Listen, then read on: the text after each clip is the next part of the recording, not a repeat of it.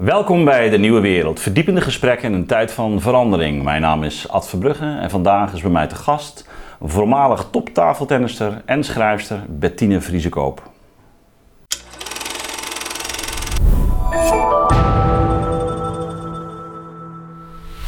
Dag Bettine. Dit is eh, homeground hè, voor jou. Eh, ja, wel. Ja, ik eh, ben hier, heb, heb hier mijn middelbare schooltijd doorgebracht. Ja, En, eh, eh, en ook heb ik nog eh, een, ik wil niet zeggen blauwe maandag, want twee jaar is niet, eh, nou drie, bijna drie jaar heb ik hier gestudeerd. Aan de Universiteit van Leiden, sinologie, ja. Chinese cultuur, talen en culturen. Ik weet niet of dat nog steeds zo heet, maar volgens mij wel. ja. Dus, ja. Ja, precies, bekend gebied. Nou, ik, het, het is mij een eer en genoegen om jou hier eh, te gast eh, te hebben. ja, Eens gelijk, ik, ja. eh, ik heb in mijn jeugd getafeltennist. die- ik denk van zo'n beetje 79, 80 tot eh, eh, 83 o- om, om en nabij. Nou, dat, in 1982 werd jij Europees kampioen voor de eerste keer. 92 nog een keer. Ik, jij was denk ik zo'n beetje de, de kroon op het Nederlandse tafeltennis. Hè? Dus als je gewoon kijkt naar de, de, heel de ontwikkeling van het tafeltennis. eh, we hebben natuurlijk een paar grote namen ook in de jaren 60, 70 eh, eh, gehad. Maar Mhm. ehm, ja, dat is nu toch wel iets anders. Ook het, we gaan vandaag een gesprek hebben over ehm, tafeltennis, over China. Er liggen heel veel boeken over China. Je hebt net ook een nieuw, nieuw boek uitgebracht. Daar zullen we het ook nog eh, eh, uitvoeriger over eh, hebben. Pearl Buck, hè? Het, het, het, ge- het gevoel van, van China. ja. Ehm, ja, dat is ook iets wat wel mijn interesse heeft. Ook omdat jij daar vanuit een ander perspectief over schrijft. Hè? Als ik zou bijna zeggen, als ervaringsdeskundige, niet bijna, gewoon als ervaringsdeskundige. Je hebt er geleefd, gewoond, getraind, vele jaren. Je hebt een sport bedreven die, eh, of je bedrijft nog steeds een sport, die ja, wel zo'n beetje, eh, eh, nou ja, zijn, zijn absolute volmaaktheid kent in, eh, in China. Op weinig plaatsen ter wereld waar zo'n niveau wordt eh, gehaald. Ook daar ben ik in geïnteresseerd natuurlijk. Ehm, we hebben gewoon de tijd, dus we zien waar, waar dit gesprek ons, ons heen voert. En, ik wil beginnen met een, een, denk ik, heel lastige vraag. Tegelijkertijd een hele eenvoudige. Die ons misschien ook wel brengt bij eh, wat hier allemaal ligt en waar jij nu staat. Wat is tafeltennis voor jou? Eh, eh, ja, dat is heel veelomvattend, denk ik. Ja. Ik denk van, ter, e- ten eerste, als ik aan tafeltennis denk, denk ik aan mijn jeugd. Ja, natuurlijk. eh, hoe oud was je? Ik was 11 toen ik begon, zo'n beetje, ja, 10, 11. Mijn vader Ja. was net overleden en eh, we gingen verhuizen naar een andere deel van eh Hazerswoude, waar ik eh, opgroeide. En dat bestaat uit eh, verschillende delen, is een vrij grote gemeente. Ja, En eh, we gingen ergens wonen waar ik nog niemand kende. En die, nou, dat, daar was de tafeltennisclub Avanti, die was heel erg eh, ja, populair. Ja. En eh, was, eh, tafeltennis was sowieso een populaire sport onder de, in de katholieke gemeenschap. Dus eh, als je veel, veel clubs eh, zijn ook opgericht door paters. Ook niet alleen eh, onze club toevallig niet, maar er waren veel clubs die, die, die door de kerk waren opgericht. nou ja, Dus tafeltennis was echt een katholieke sport en ik was toevallig ook katholiek. Dus ik kwam daarmee in aanraking en Nou, ik bleek, gezin, ja, negen kinderen. Ja, En mijn vader was overleden in, meen 71. En ja, het was niet heel gezellig thuis natuurlijk, want eh, er was veel problemen. En we hadden ook zwaar, zware problemen gehad altijd in het verleden. Boerderijrunnen in die tijd was ook niet eh, makkelijk. ja, En eh, ja, wij kwamen in een rijtjeshuis te wonen en dat, mijn moeder die had de boerderij achter zich gelaten. En ja, verkocht was- ook toen? Of, nou, nee. de, de, de kerk Ja. was al ingepikt door de... Ja, de- ja, ja, de boerderij was ingepikt door de kerk. Ja, Dus Ja. Ehm, en toen ben ik met eh, mijn eh, vriendjes, mijn nieuwe vriendjes, ben ik naar de tafeltennisclub gegaan. En dat was al snel een, een klik tussen mij en die vriendjes, maar ook tussen mij en het pingpongen. Dus dat- en ik werd gezien als een nieuwkomer, als iemand, hé, hey, weet je, er komt iemand die ja. opeens van, van buiten. Maar het, wat, was ook een soort eigen ruimte dan? Eigenlijk los van het ouderlijk huis, van Ja, eventueel de problemen Ja. die er waren. Of, Ja. Gewoon een nieuw, een nieuw, nieuw domein. Inderdaad, vrienden. En eh, die vrienden waren natuurlijk eerst, het eerst belangrijk. Ja, En eh, je wilt natuurlijk ook voor je vrienden wil je, ja, eh, wil je bijzonder zijn. Dat is, het is eigenlijk, als je, als je jong bent, wil je iets betekenen, weet je, voor je, voor je vriendengroep. En dat je denkt dat je respect krijgt en wauw, wauw. En dat kan in allerlei opzichten natuurlijk, weet je. Je bent toch een beetje aan het competitie bedrijven en zo. En ja, dus, dus eh, dat ik goed er- daarin was, dat, ja, dat gaf ook Wanneer, wel en, status. eh, hoe snel werd dat duidelijk? Nou, bijna bij de eerste bal. Ja? Ja. Ja, nee, ik was wel iemand die eh, me, van meet af aan wel eh, heel enthousiast was. En, en ik kon heel goed eh, bewegen achter de tafel. Dus dat was eigenlijk meteen eh, mijn talent wel, weet je. Dus dat je zoekt naar waar de bal is en dat je ook... Ik snapte het ook allemaal meteen. Er zijn mensen die er gewoon nooit iets van, Ja. van begrijpen. Ja. Ja, en dan, dan wordt het ook niks. Maar ik, ik snapte waar dat spel om ging. En eh, ik vond het ook heel interessant dat, dat die bal, die had eigenlijk gewoon een soort eigen dynamiek. Hè? Ja. Eh, en, en een heel leven, een hele wereld was dat voor mij. Weet je, dus die, die bal, dat was ook een soort van, ja, als je, hè, zoals je weet, heb, heb je effecten in, Ja, eh, in de tafeltennis, ja, hè, als je zelf gespeeld hebt. Dus dat was voor mij ook van, nou, als, een bal, als je een bal zo raakt, dan, dan moet de tegenstander hem, hè, dan heb je verschillende mogelijkheden, net als in het schaken. En als je dat niet respecteert, hè, dan, nou ja, dan krijg je uiteindelijk, dan verlies je een punt. Of dan verlies je een wedstrijd uiteindelijk. En dat vond ik heel interessant, want ik dacht, goh, eh, ik kan heel veel leren, want die bal leert mij eigenlijk hoe ik me moet gedragen. En, en ik vond het ook heel overzichtelijk, want die, die tafel is vrij klein, hè, niet een heel groot veld. En ik dacht, nou, ik eh, moet fysiek natuurlijk goed zijn, maar ik moet ook goed kunnen nadenken. Dus, en hoe kleiner het veld, hoe meer je moet nadenken uiteraard. Hè. Maar- Met dat- schaken en dammen, dan moet je alleen maar denken en niet meer bewegen. Maar dat is grappig, want eh, ik kan me helemaal niet herinneren dat ik op die manier ooit over, over tafeltennis heb eh, gedacht. Ik heb in mijn jonge jaren eerst gevoetbald. Nou, het grote nadeel daarvan vond ik dat je altijd afhankelijk was van die andere team. Ja, Eh, dus ik, ik, nou, min of meer bij toeval werd ik door een vriendje meegenomen. Ik, ik op 12, 13-jarige leeftijd, denk ik. Ehm, nee, naar, hem, naar hem thuis. Die had, hij had een tafeltennistafel eh, staan thuis. En nou, hij bleek op een gegeven moment dan op, op tafeltennis te zitten. Dus eh, nou, Ja. me- meegegaan. En, maar het valt me op nu jij er zo over praat. Dat, dat, dat, eh, was jij destijds ook al zo mentaal ingesteld? Of had dat met de, met, met de, eh, de onzekerheid te maken? Of, zo? Dat je, of, of heeft het iets met, met, met, misschien met vrouwelijkheid te maken? Of eh, dat je in je puberteit meer, meer nadenkt over waar je veilig voelt? Of zijn dit meer constructies achteraf? Of was, het, was je echt toen al zo op de... ja wel constructies achteraf Ja, ja. uiteraard. Maar ik vond het wel interessant dat, dat er regels waren in dat spel. En dat je, Hm. dus als je bijvoorbeeld zo'n bal raakt in de service, dat je juist die andere kant heen moet sturen. Of zo, juist die andere kant. En als er dan ook nog een beetje backspin bij zit, dat je hem niet die, alleen die andere kant, die kant op moet sturen, maar ook nog omhoog moet brengen. Ja. Ja, en dus dat, dat, het hele spel daarvan, dat,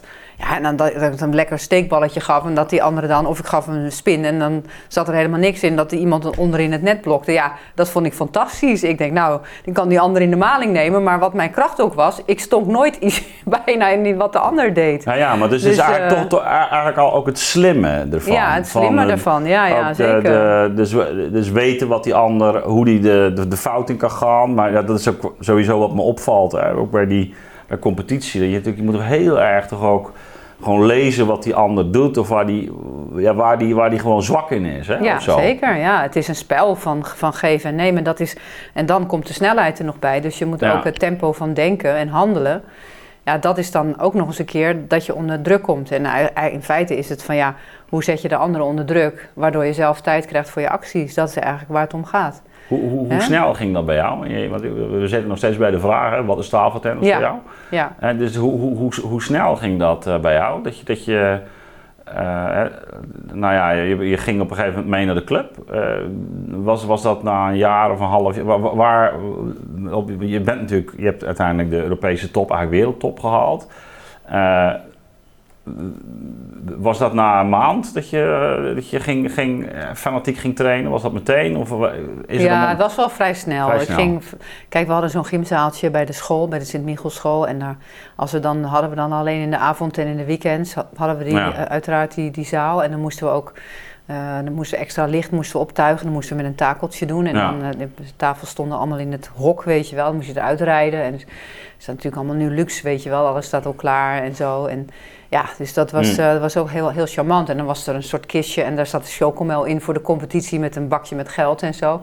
Dus als er dan competitie werd ja. gespeeld, dan ging iemand de bar doen, weet je wel. En ja, daar keek ik wel helemaal naar uit als je zaterdagavond... Hè, dat je dan naar de competitiewedstrijd ging kijken en iedereen zag. En dan had je een paar centjes en dan kocht je een flesje chocomel. Ja, geweldig. En, eh, dus, maar goed, ik ging al gelijk eh, zoveel mogelijk spelen. Maar dat was misschien nog niet elke dag, dat weet ik eigenlijk niet meer. Maar voor, voor, ja, voor, voor zover ik weet, toen ik naar Leiden ging, trainde ik elke dag heel snel vier uur per dag. Ja? En ja, en toen ik, eh, ja, was ik, ik was al, toen, ik- toen ik 12 was, was ik meteen al Nederlands kampioen bij de, mijn leeftijdscategorie. Toen speelde je anderhalf jaar of zo. Een halfjaartje. Een jaartje. Dat was niet zo moeilijk in Nederland. Nee, dat, Nee. Nou, dat ja, zeker. Nee. Dat, Dus als je een beetje ja. talent hebt en je hebt een goede service en je kan twee ballen terugslaan, in die tijden trouwens nu nog, Ja. dan, dan kan je in Nederland al heel snel eh, ja, iets betekenen. Als je een beetje talent hebt. Hè? Ja, Dus dat was al vrij snel. Toen ging ik ook naar de Europese jeugdkampioenschappen. Dat werd in het eerste jaar nog helemaal niks, want ja, eh, ik, eh, ik was net begonnen. En, eh, maar ik wou wel een medaille halen op de Europese jeugdkampioenschappen ooit. Dus dat was al... Op mijn dertiende hadden we met de landenwedstrijden hoog, ja, tweede geworden geloof ik bij de kadetten. En daarna, Maar het is even Ja. een, enorme snelle carrière dan, hè, bij, Ja, die, bij die dames. ja. Is En op mijn eh, zestiende natuurlijk Europese top. Want toen was ik al tweede op eh, top 12. Dus dat was een, een hele snelle ja, eh, start. En dan be- ben je ook wel gemotiveerd om verder te gaan, om steeds verder te trainen. Want je denkt van ja, nou, dat, dat gaat dus makkelijk. En eh, ik trainde wel heel hard hoor. Ik trainde of, ja, gewoon s ochtends op de fiets naar Leiden. Eh, vanuit haar Dat deed je naast, naast, naast school gewoon. ja, en dan eh, ging ik na school, ging ik, eh, ik was altijd kwart over twee uit, want je had nog van die blokuren hier op de Bonaventura. En dan ging ik meestal van drie tot vijf trainen en dan weer naar huis. En dan had mijn moeder het eten klaar en dan ging ik s'avonds nog in Hazerswoude bij de club nog twee uur. En dan in het weekend trainde ik soms zeven uur op een dag, maar alleen maar spelen. En we gingen ook heel vaak, weet je, dat zie ik dus dat dat heel anders is nu in deze tijd. Eh, dan is het allemaal afspreken met elkaar en dan kijken ze op de klok. Ja, maar nu is het wel tijd, weet je wel. Maar wij stonden, we namen gewoon broodjes mee en eh, een broodtrommeltje en een bakje yoghurt en zo. En eh, water uit de kraan en je ging spelen. En als de zaal open was, je speelde gewoon de hele dag. En je, je keek nooit op de klok. En soms deed je oefeningen en heel vaak ook acht kampjes of tien kampjes of winnaar blijft staan of zo.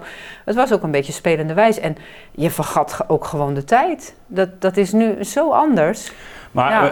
eh, eh, ik, ik kan me herinneren dat ik toen, eh, nou ja, ik maakte natuurlijk absoluut niet zo'n progressie als jij. Ik, ik, ik vond het gewoon een leuk spelletje. hè. Dus, eh, maar ik was ook heel erg fanatiek met skateboarden en, eh, dat soort dingen. Maar goed, tafeltennis ging me ook vrij goed af.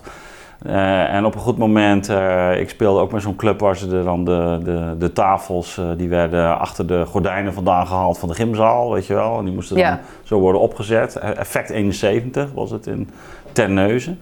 En ehm, eh, nou ja, op een goed moment ja, komt het dan dat je met, met een team de- de- uit- uiteindelijk promoveert. En nou, wij gingen landelijk C, landelijk B, landelijk A. Ja, en toen was ik op een goed moment dagelijks aan het trainen. En ik denk van ja, ik vind dit gewoon, dit is gewoon helemaal niet wat ik wil met mijn leven, weet je wel. En, en, en dat vraag ik me dus, daarom zeg ik, wat is tafeltennis voor jou? Want jij bleef er dus echt gewoon plezier in houden. Ja. Wat, wat, wat- en wat is het plezier? van- Je tafeltennis nog steeds veel, hè? Nou, ik, ik geef training. Oh, en, dan, en dan training. spar ik Ja. soms, weet je. Dan Ja. geef ik de ballen aan en ja, dan, eh, dat, ik ben zo vast natuurlijk, dus Ja. nog steeds. En dan, ik train niet echt meer, want Nee. trainen betekent ook echt voor voetenwerk en je openingen Ja. trainen en je service en je serviceontvangst en nou ja, eh, de patroontjes en zo, weet je wel. Tafeltennis is een sport wat heel veel in het onbewuste moet, moet zich afspeelt. Dus al die patronen die je moet trainen, die lijnen en zo, die moet je gewoon onbewust, ja, eh, eh, ja, eh, Dat moet insluiten. dat moet dat ja. echt gewoon, die banen Ja. en die zenuwbanen, die moeten dat, Ja, en dat moet allemaal vanzelf gaan. Dus het kost gewoon veel trainen. Maar dat doe ik dus niet meer, maar ik geef ze aan voor een ander. ja. En, ehm, maar wat Maar, was ook maar weer ja, de vraag? de, de vraag was dus van, van jij, jij bleef dat dus gewoon heel, heel leuk vinden? Ja. Of, Ja, maar dat kwam ook wel omdat ik, ja, weet je, de, er was natuurlijk ook wel toekomst in die sport. Hè? Ik bedoel, ik kom naar buitenland en, eh, en ik, eh, ik, ja, weet je, eh, ik, ik was echt gewoon zeg maar een soort, soort ontdekking in die sport in Nederland. En ja, hij staat in de belangstelling, maar het, het leukste was, ik vond dat trainen gewoon heerlijk om te doen. Ik Ja. vergat alles om me heen en er kwamen ook nog successen en ik kreeg ook nog contracten. Dus het was gewoon, op mijn vijftiende had ik al gewoon inkomsten uit tafeltennis. Ja. Volgens mij op mijn veertiende al. Dus ja, wie, wie ben jij dan om te zeggen, ik vind het niet meer leuk. Hier wil ik niet meer bezig zijn. Ja. Ik bedoel, eh, ik was de beste van Europa in mijn leeftijdscategorie. En, en ik kreeg de een na de andere uitnodigingen. Hè, en zelfs op een gegeven moment om naar China te komen om te trainen. En toen dacht ik altijd van ja, weet je, dit is iets... eh, een- Maar dat betekent dus ook dat, die, dat, dat de tafeltennis voor jou ook echt, echt een wereld opende. Zeker.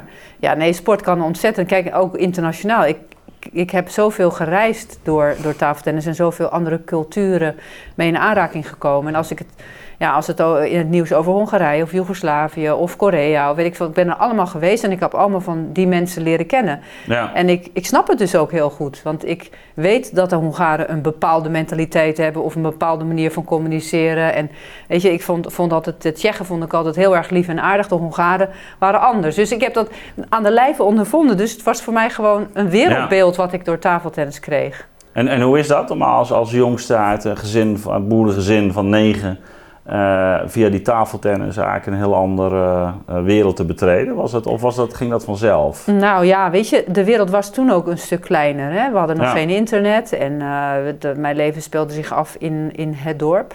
Ja. En dan ook wel in Leiden, dat was al de grote stad. Hè? En Amsterdam was gevaarlijk. Dus Ja. dat, dat was weer een brug verder.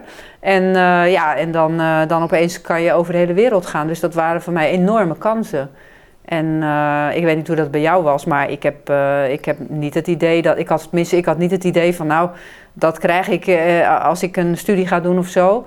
En op school in het begin, want mijn vader was overleden, toen ging studie niet zo goed. Terwijl eigenlijk in het begin, toen ik op de lagere school zat, was ik eigenlijk een van de beste van de klas. Ik kon heel goed leren, alleen ik moest wel door de dood van mijn vader en noem maar op, moest ik drie keer van een lagere school wisselen. Dus dat gaat ook niet echt, dat is niet echt bevorderlijk voor je Nee. ontwikkeling.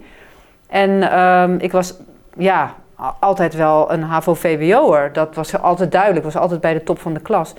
Maar in de brugklas lukte het gewoon niet meer. Dus dan, en ook misschien door tafeltennis, maar ook wel door de sociale problemen thuis of de dood van mijn vader en zo. Ja. Dus dan kies je al snel waar, waar je het beste in bent en waar je denkt, nou, dat is mijn toekomst. En dat studie, dat wist ik toen al, dat kan ik altijd nog doen. En al heel snel kwam ik toen ook van, nou, tafeltennis ga ik, ga ik als opstap gebruiken naar andere dingen doen die ik daarna wil, misschien wil ontwikkelen in mezelf. Oh, dat wist je ook? Wist ik wel, ja zeker, dat, dat wist ik zeker. En ik dacht, nou, ik ga eerst dat neerzetten en dan ga ik kijken. En toen kwam dat schrijven erbij. Toen dacht ik, nou, China, de, de, de liefde voor China. Ja, maar dan zitten we toch al heel wat jaartjes verder, toch? Jawel, maar op mijn achttiende was ik al in China. Oké. Ja, dus dat is al vrij snel. En toen dacht ik, nou, ehm, ik wist ook al heel snel van, ah, dit, ik wil naar China. Dat, eh, Ja?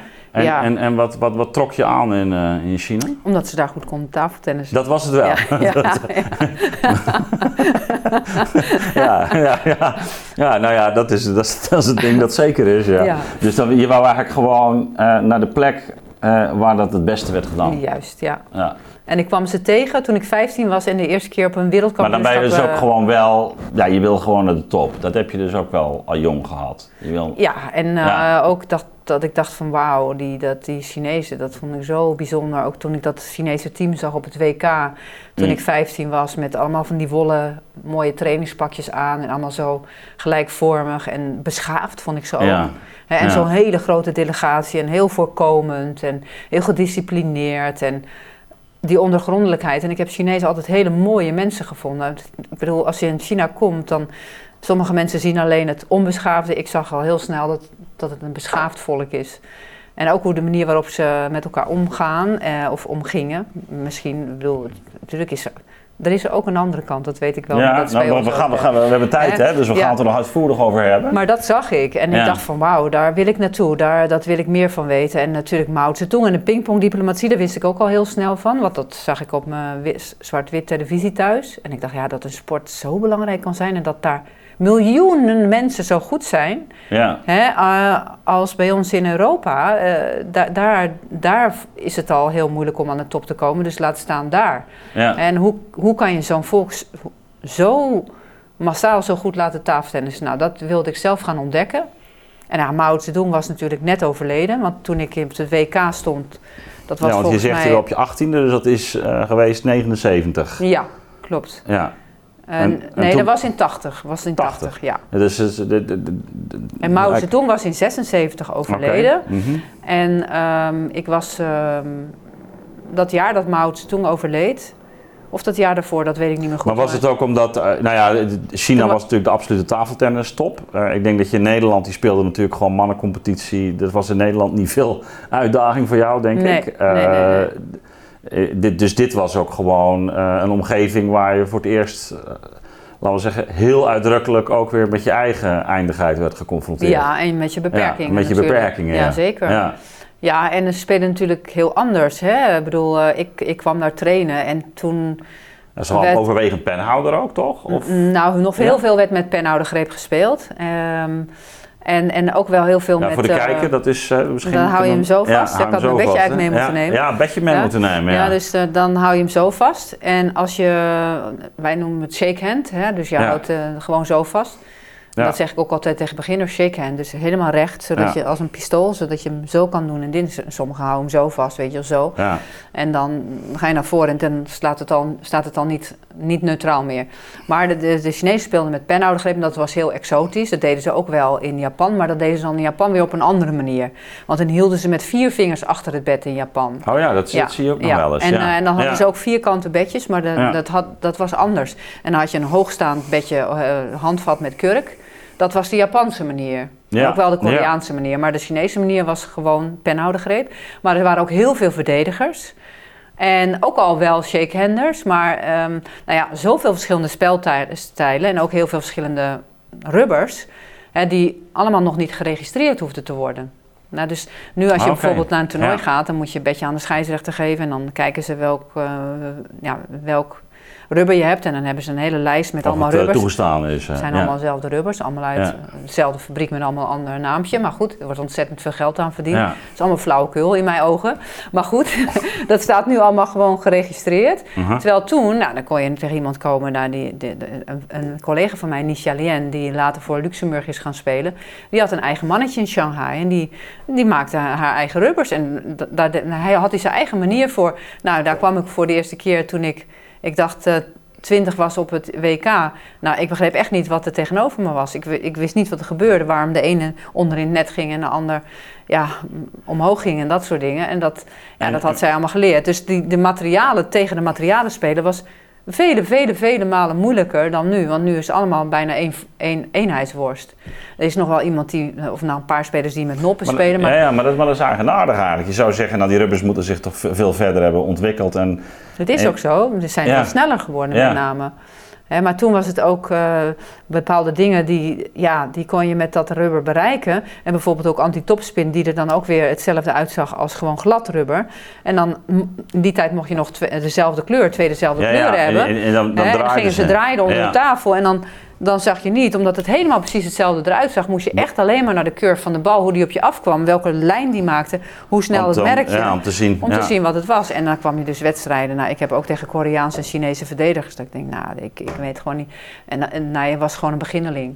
Ja, Je kon ja. het gewoon echt niet Ja, maar dat is, dat is denk ik ook wat, eh, wat een, een groot deel van, eh, laten we zeggen, de tafeltennis leken eh, niet beseft. Hè? Ja. Van hoe ongelooflijk lastig het is om te lezen wat er gebeurt. Ja, dat klopt, is eh, dat- je de, eigenlijk heel veel dingen ook eh, tegelijk moet doen. Ik heb eh, eigenlijk pas een jaar geleden, of na een paar jaar geleden is begonnen. Want ik, ik train ook nog steeds, of train, ja, ik bedoel. eh, ehm, eh, en, en toen merkte ik eh, dat ik nu af en toe bij, bij training, dat ik, wanneer er een netbal komt, dat ik merk dat ik mijn bedje draai zonder dat ik dat heb beslist. Ja, ja, ja. Weet je? Ja. Dat, je hem toch goed terugspeelt en dan zeg je, oh, ik heb hem gedraaid. Maar, maar dat is natuurlijk eigenlijk heel veel gaat op die manier. Hè? Dat, dat het, je, inderdaad, je die ziet hoe die bal draait. Of, eh, en, waar je, je, kunt het niet bewust bedenken, want dan ben je te laat. ja. Ja, maar dat is dus eh, trainen. Ja, Maar ook wel ehm, de snelle hand- hand-oogcoördinatie. Hè, dus ehm, ja, weet je, als je mensen gaat onderzoeken, dat hebben ze bijvoorbeeld bij Timo Boll, dat is de, een van de beste Europese, Ja. een Du- Duitser, die, meervoudig Europees kampioen is ook. En ehm, ja, die heeft, uh, die heeft getest en die, die, die, die heeft een betere reactie dan een, dan een uh, straaljagerpiloot. Dat hebben ze getest met uh, allemaal dingetjes en zo. En um, dus dat moet je wel hebben. Dus sommige mensen, de baan van de ogen naar de hand is gewoon langer. Die duurt gewoon langer. Dus zeg maar, dat is allemaal autogeen. Hè? Dus dat, uh, dat, uh, en, uh, en, en ja, als je dat, dat niet hebt, als het brein die seintjes niet doorgeeft, dus als die banen bij jou op de een of andere manier niet goede aanleg hebben, dan kan je dat niet. Ik denk dat dat met autorijden bijvoorbeeld ook zo ja. is. Um, dat, dat is wel wat je moet hebben ook. En dan kan je dat ook wel trainen. Ja. En, en de goede tafeltennissers, die maken ook, ja, die zie je ook gewoon echt de goede keuzes maken. En ook de slimme keuzes en ook de onverwachte dingen doen. Ja. En, uh, en sommigen die, ja, die, uh, die, die maken gewoon, denk je van, ja, dat kan helemaal niet wat je nu doet. Hè, en, dan, dan, en als je dat een paar keer te veel doet in een game bijvoorbeeld, en zeker nu met 11, maar 11 ja. punten, ja, dan, het, het tafeltennis is ook heel, voor een heel groot deel statistiek. En je kan gewoon uitrekenen van, nou, weet je, ik zeg ook al tegen mijn pupillen van, waar wil jij je punten halen? Met wat wil jij je punten halen? Nou, in Nederland is het al heel vaak zo dat ja, de meesten die maken al veel te veel unforced errors, dus om te beginnen. Ja, ja, en als je daar drie per game unforced errors maakt, dan kan je het aan de top ook wel vergeten. Plus dat je eigenlijk één iets moet hebben wat een super, super goed wapen is. En voor de rest moet je eigenlijk allemaal negens hebben. Dus nou, of je heeft allemaal tienen en er zit een zeventje tussen. Maar als je uh, voor een paar onderdelen van wat je goed moet beheersen eh, bijvoorbeeld twee keer een zeven hebt, ja, dan kan je nooit top worden. Maar dat is denk ik met, met, ja, in de studie ook zo. Ik denk als je, jij bent hoogleraar, professor toch? Ja, maar, ja? ja maar het is toch anders. Ja, maar ik denk ook niet dat, dat je daar, daar heb je wel, kijk, daar heb je veel meer de mogelijkheid om te specialiseren. Ik heb heel, zie bij mezelf bepaalde onderdelen. Ja, ik ben ook, ik ben ook heel fanatiek geweest, uh, nog steeds fanatiek, maar in, in, laten we zeggen vooral de periode zo van 18 tot, tot 25. Dat is voor mij echt wel de groot deel van mijn boekenkast heb ik toen ook eigenlijk opgebouwd. Hè? Dus de tijd tijdens mijn studietijd en ook gewoon gelezen.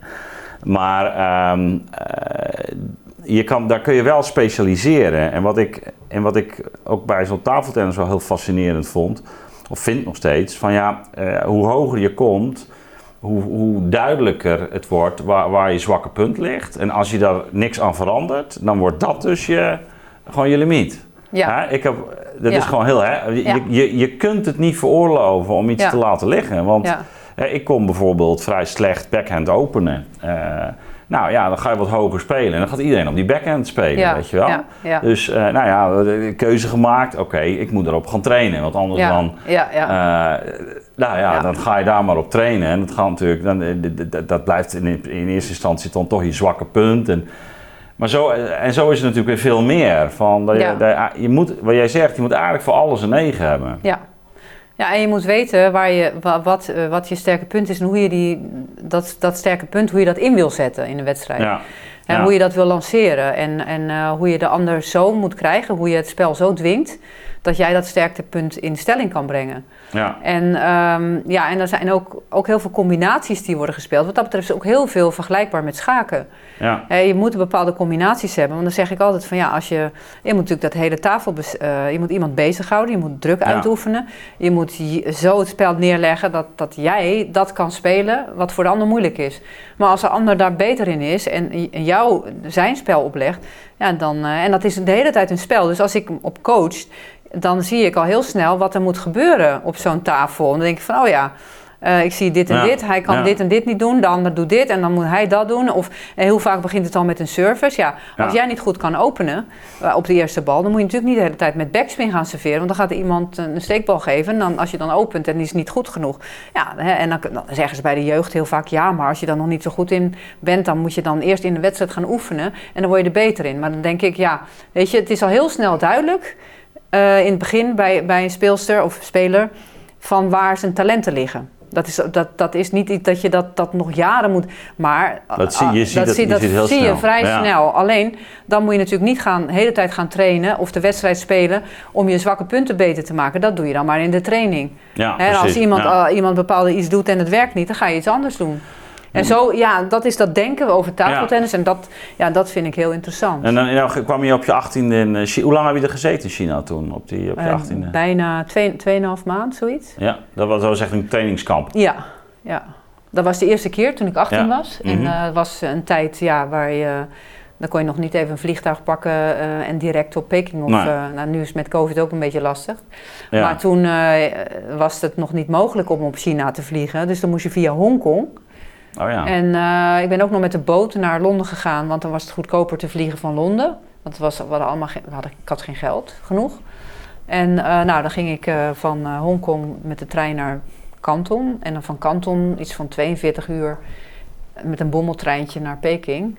En nou, dan ben je al vier dagen, was ik onderweg. Ja, dat heette toen nog Peking, hè? Ja. Toen. Nou ja, ja. ik zeg nog steeds Peking. We Ja. zeggen ook geen. Paris, zeggen we ook niet. Dus we zeggen ook gewoon Parijs. Dus Ja. Ehm, maar dat was al vier dagen. En ik weet nog heel goed, thuis ging ik nooit vier dagen niet trainen. Dus ik zat ook gewoon in de trein. Zat ik gewoon een beetje bewe- droog, bewegingen. bedroog Ja, ja, ja. bewegingen te doen. Ja. En, eh, ja, de Chinezen vonden dat wel heel grappig natuurlijk. Ja, want wat, hoe, hoe, hoe, hoe werd je daar ontvangen? Ik bedoel- uit Europa, een, een, een, een, blonde 18-jarige Nederlandse vrouw. Nou, ze wisten natuurlijk wel eh, dat je redelijk eh, kon spelen. Maar ja, er staan er daar natuurlijk duizenden. Ja, zeker.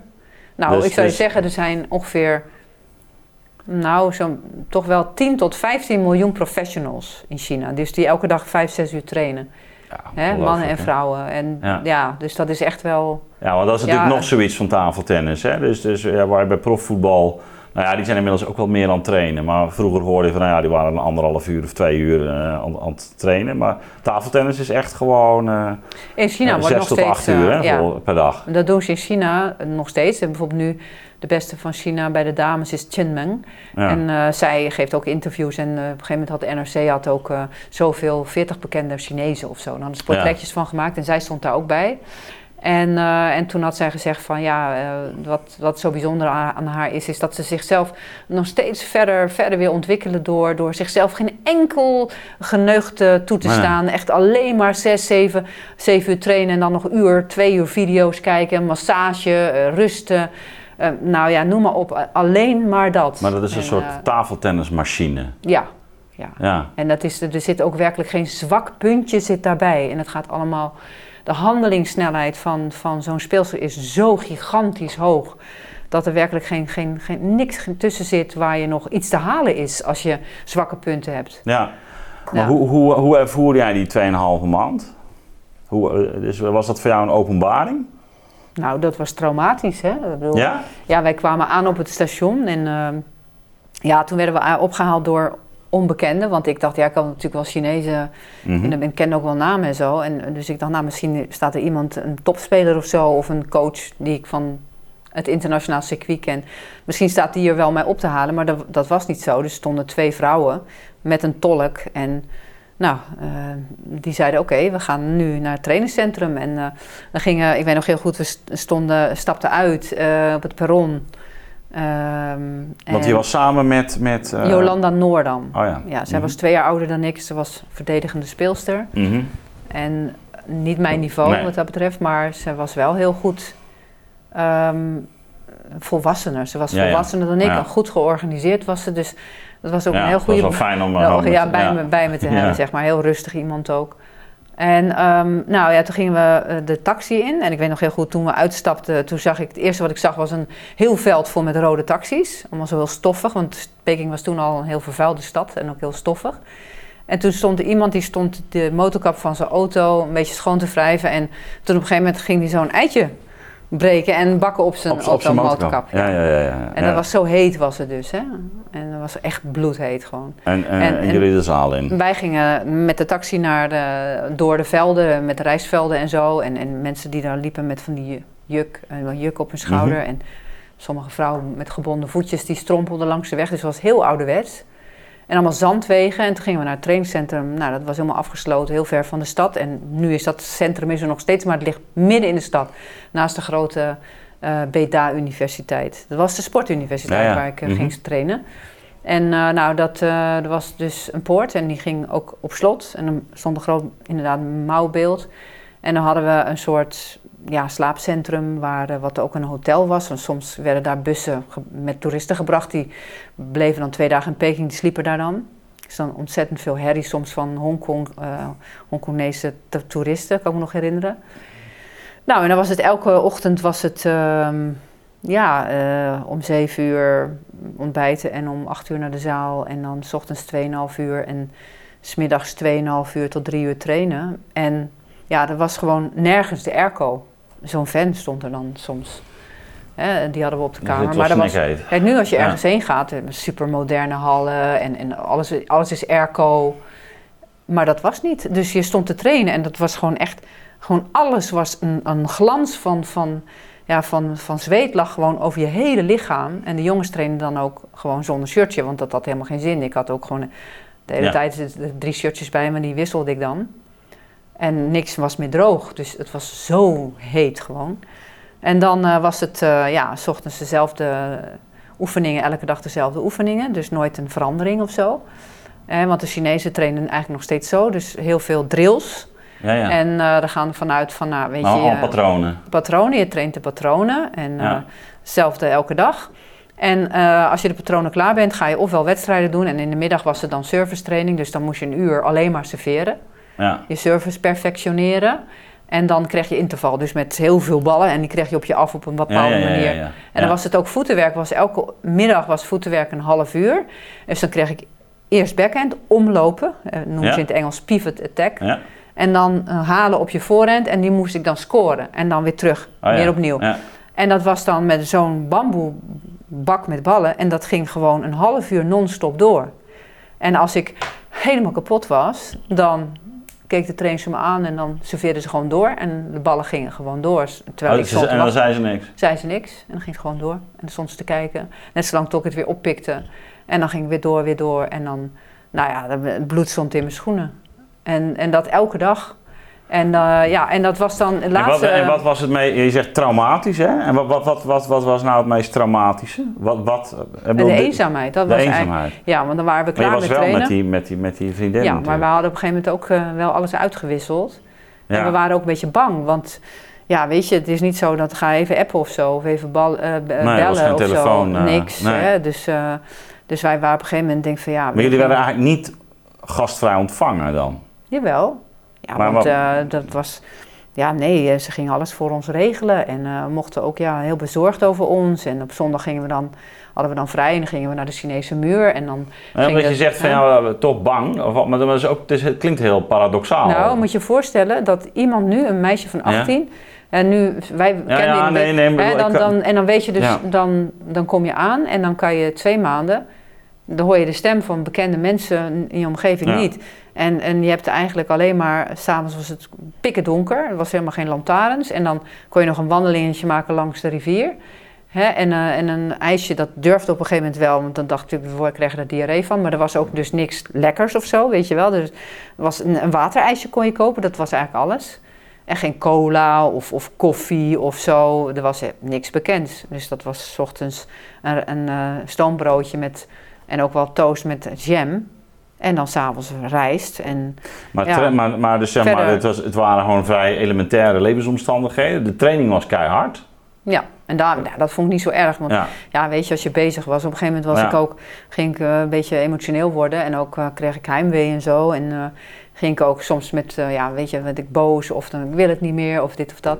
En dan, nou, dan heel hard, hè. Dan gaan we zitten en dan, eh, en dan eh, keken ze me aan van, ja, huilen, dat, dat kan eigenlijk gewoon niet. Dus, hè, en of als ik dan, maar dat was dan nog wel gedoogd. Maar als ik dan bijvoorbeeld ehm, boos werd of gefrustreerd, dan zeiden ze, nou, wat wil je naar de slaapkamer gaan? Want dit kan hier niet. Dus dan kan je kiezen, je gaat ofwel doortrainen of je gaat op je en dat kamer doe je zitten. normaal. Ja, je je door- gaat op je kamer ja. zitten. Nou, dat was echt een crime. Als ik de hele dag op mijn kamer zou moeten zitten. Dus dan ga je gewoon trainen. Ja. Hè, en dat trainen, daar vond ik eigenlijk mijn vrijheid in. En daar, daar verloor ik me ook helemaal in. En eh, dat, dat was je, hè, denk maar niet dat, er, dat je dan een klokje had of zo. Hè. Ik had ook helemaal geen horloge. Of dat, ja, de trainer hield de tijd bij. En eh, de, nogmaals, nu is het iedereen na, ja, nou, even tien minuutjes. Van, nou ja, Ja. dat was gewoon in een flow. En ja, dat, is, dat bestaat niet meer zo op die, deze manier. Nee, Hè, net zoals maar- dat er gewoon nu airco is. Dus Ja. die, die omstandigheden kennen Maar we nu niet hoor meer. je natuurlijk, eh, je hebt het ook, ook eh, nou laat ik zo zeggen, je, je, je had natuurlijk ook al een, een, een vrij eh, uitgesproken trainingsachtergrond in Nederland. Ja, Gerard ja. Bakker, nou daar is natuurlijk veel over, maar die, die wist volgens mij ook wel van, van want wat dat betreft. Ja, het was zwaar, maar dit was nog wel zwaarder hoor. ja. Dat was nog wel anders. En ehm, ja, dat, dat was maar. Ik vond wat ik wel fijn vond aan China is. ehm, ik werd nooit. eh, ik werd wel hard behandeld. En, en ook, weet je, als ik dan op een gegeven moment. eh, weet je, het enige dan als ik dan emotioneel werd of zo, dan kreeg ik zo'n klap op mijn schouder. Maar dat was dan eigenlijk heel vriendschappelijk en dan een beetje een grapje en zo. Ja, maar er was eigenlijk wel heel veel respect. Want later was er een soort doc- documentaire van andere tijden gemaakt. En hebben ze mijn Mhm. trainer geïnterviewd. En toen zei ze ook, ik heb dat nooit zo begrepen. Want ja, weet je, als je daar komt trainen, dan weet je niet wat hun idee is eh, achter. Je komt Ja. in zo'n twee westerse vrouwen, wat ga je Ja. daarmee doen? Maar zij hebben dus heel bewust, zij zei dus, mij getest. Hè, Hm. Op wat, wat ik allemaal aankon mentaal. Want ze zouden dat nooit hebben gedaan. Dat heb ik ook wel aan andere spelers gezien die later kwamen, als ik dat niet had aangekund. En dat vond ik wel een eye-opener ehm, van, voor mijn eigen training. Want soms denk ik wel eens van ja, weet je, eh, je bent het is eigenlijk met een, als trainer en pupil is er constant eh, eh, ja, aftasten van, van wat, wat kan iemand aan en hoe Nou ja, kan ik hem... absoluut. Dat is hè, natuurlijk dat is een ja. leraarschap natuurlijk ook. Ja.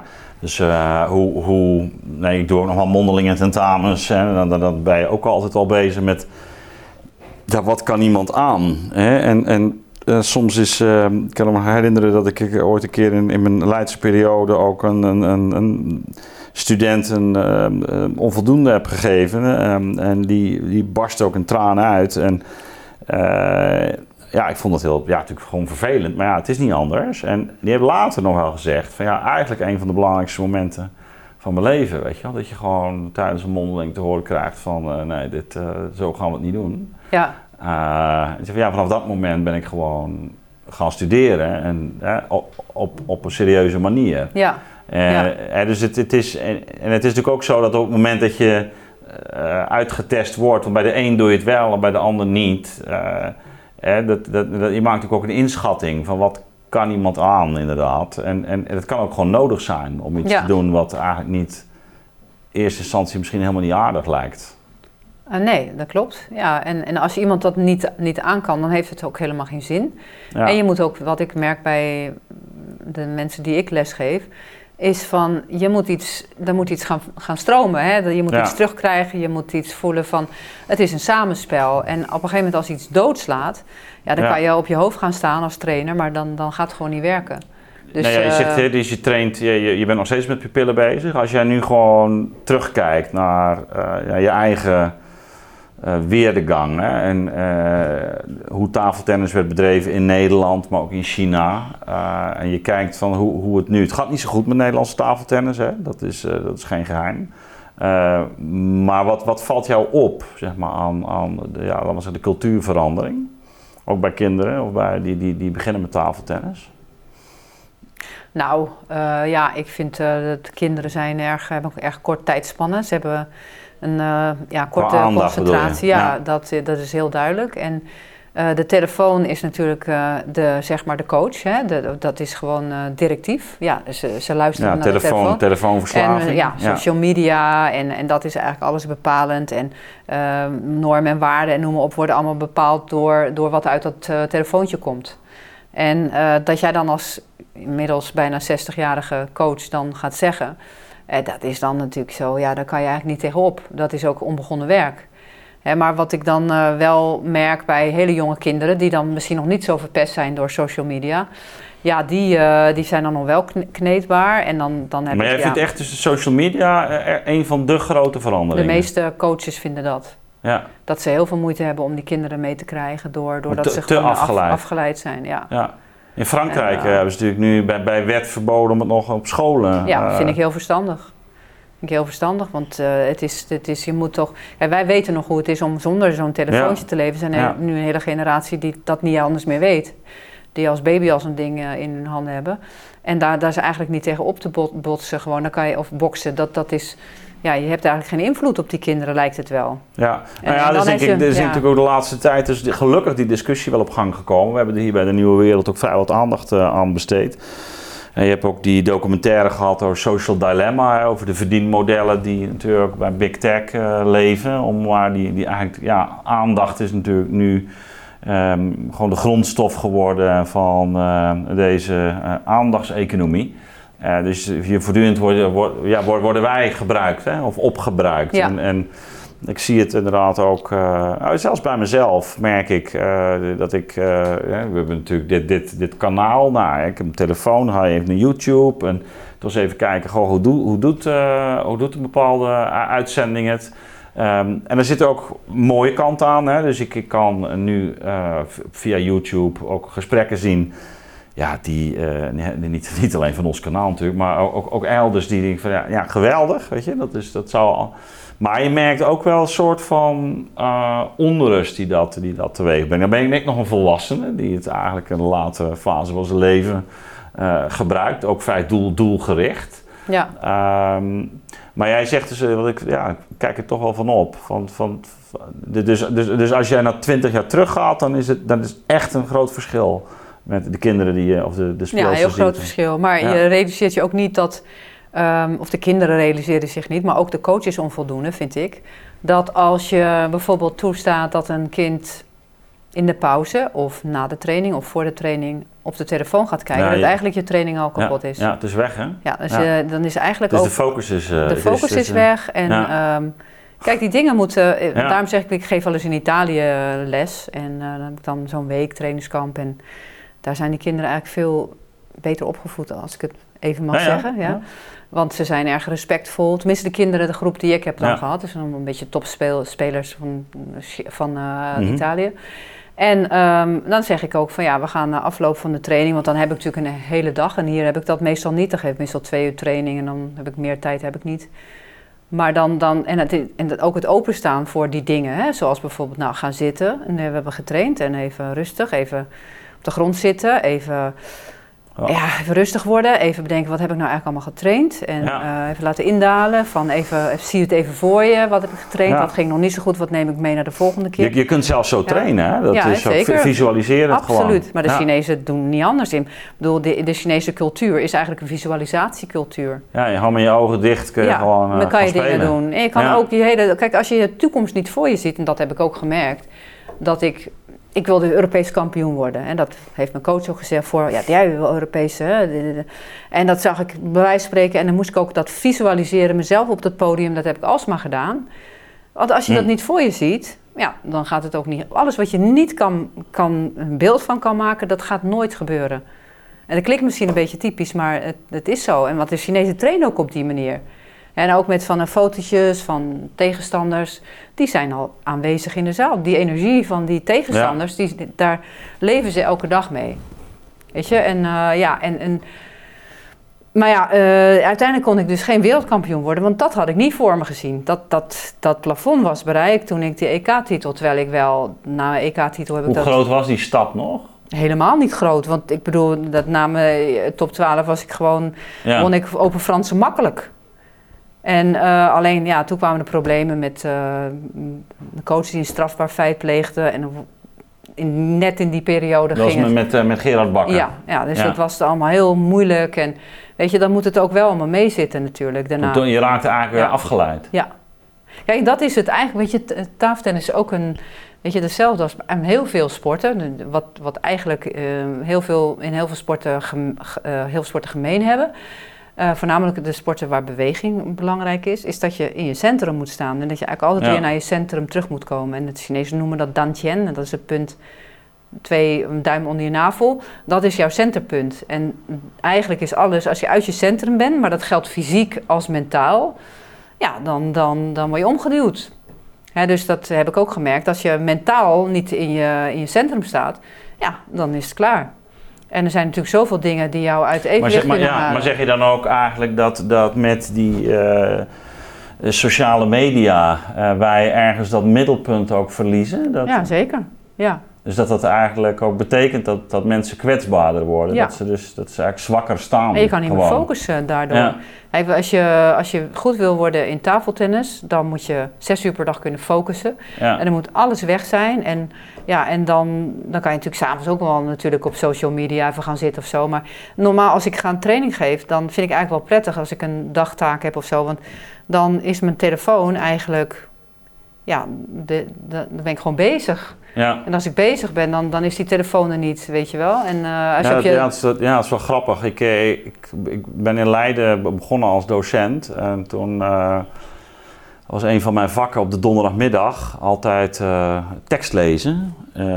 ik deed Hegel's Fenomenologie des Geistes. Nou, hij ligt toevallig hier. Ook, dit, dit boek gebruikte ik trouwens ook. Ik heb er verschillende, maar dit, dit was wel degene die ik gebruikte. En deden we ongeveer in drie uur tien bladzijden. Hè. Dat was gewoon, het is echt hele zware tekst. Ik heb, ik heb in 2,5 jaar het hele boek uh, doorgewerkt met ze. Uh, en uh, een van de commentaren was altijd van de, van de instromers. Dus er stroomden mensen, het was een doctoraal, toen een doctoraal uh, vak. Dat ze, dat ze hoofdpijn kregen, zo na een uur, anderhalf. Want het was gewoon zeg maar, heel intensief ja. denkwerk. Ja, zeg, je zult merken, na drie keer heb je het niet meer. Ja, Want dan is het, dat is, dus het is die, die focus, zeg maar. Dus doordat je gewoon drie uur lang keihard nadenkt, en dan deden we één pauze of zo van 20 minuten. Uh, zeg maar, dat, daar heb je alleen maar voordeel bij. Als je gewoon later studeert, weet je, dan kun je gewoon dit opbrengen. Van, we zijn het niet meer gewend, hè? want iedereen zegt ook van ja, die aandachtspannen, waar jij ook over begon, die natuurlijk afgenomen. Ja, dat is omdat je het niet traint. Ja. Zo, zo simpel is het. Ja, maar dat is ook met, want dat is dus een ding. Dan heb ik een jonge pupil en dan ga ik mee trainen.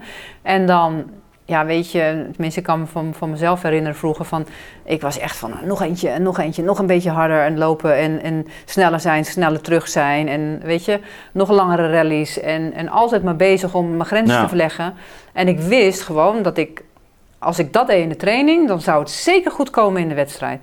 Maar die instelling die is er gewoon echt niet. Ja, maar ja, het is toch mijn trainer. Ja, laat maar. Weet je wel. Maar kennelijk, maar allen. kennelijk doet, doet China dat op, tot op de dag van vandaag nog wel, hè? Ja, maar dat, dat niveau is ook zo hoog, eh, qua, ook qua trainingsintensiteit. En, en, ja, en als je dat niet doet, hè, als je niet eh, laat zien dat je die drive hebt... en als, je die, als die motor niet aangaat, ja, dan word je gewoon ja, ofwel verslagen... dan weet je het ook gewoon niet, of je wordt niet geselecteerd. En meestal is het een combinatie daarvan.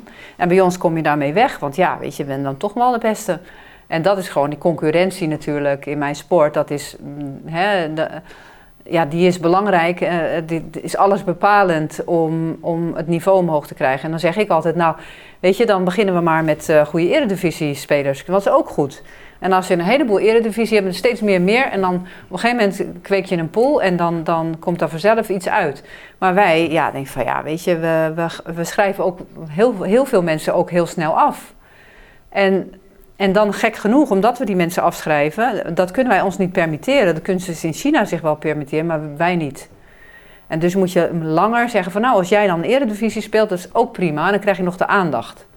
Maar je, ziet, je maar je ziet dat, dat eh, ook, ook heel veel Chinese spelers inmiddels in Europa eh, hun heenkomen zoeken. Hè? Dus laten we zeggen, of, of de, de, de subtop of de halve top, maar dat ze, dat ze toch buiten, buiten Nou, China... dat is wel een beetje op zo'n retour. Ja, Want daar zijn dan wel regels voor opgesteld. En dat, is, dat was ook Ja. echt nodig. Want ja want dat Ja. liep, liep wel uit de hand. dat liep echt uit de hand. En denk van ja, weet je, tafeltennis is een arbeidsintensieve sport. Ja, Eh, en je moet ook nog andere sparring opzoeken. Dat is als je Epske Zonderland wil gaan trainen, dan moet je Ja. natuurlijk wel weten hoe de techniek werkt.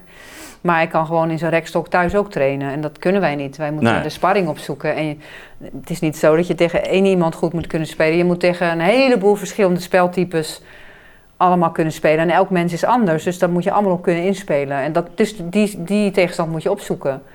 En dat moet je dus moet je reizen. Hè? eh, of, of iemand halen of zo. Weet ik veel wat je dan daarvoor in de plaats doet.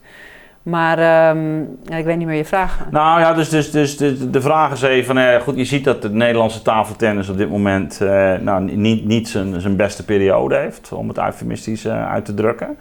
Eh, jij beschreef net toch dat, dat wanneer je kijkt naar eh, je eigen eh, pupillen of gewoon dat, dat, dat die sociale media eh, een heel groot stempel drukken op, op eigenlijk hun aanwezigheid. Dat, Ja. dat, ehm, Maar ook het perspectief wat er eigenlijk nauwelijks is. Omdat sport in het algemeen in Nederland vind ik echt een beetje steeds meer voor de elite geworden.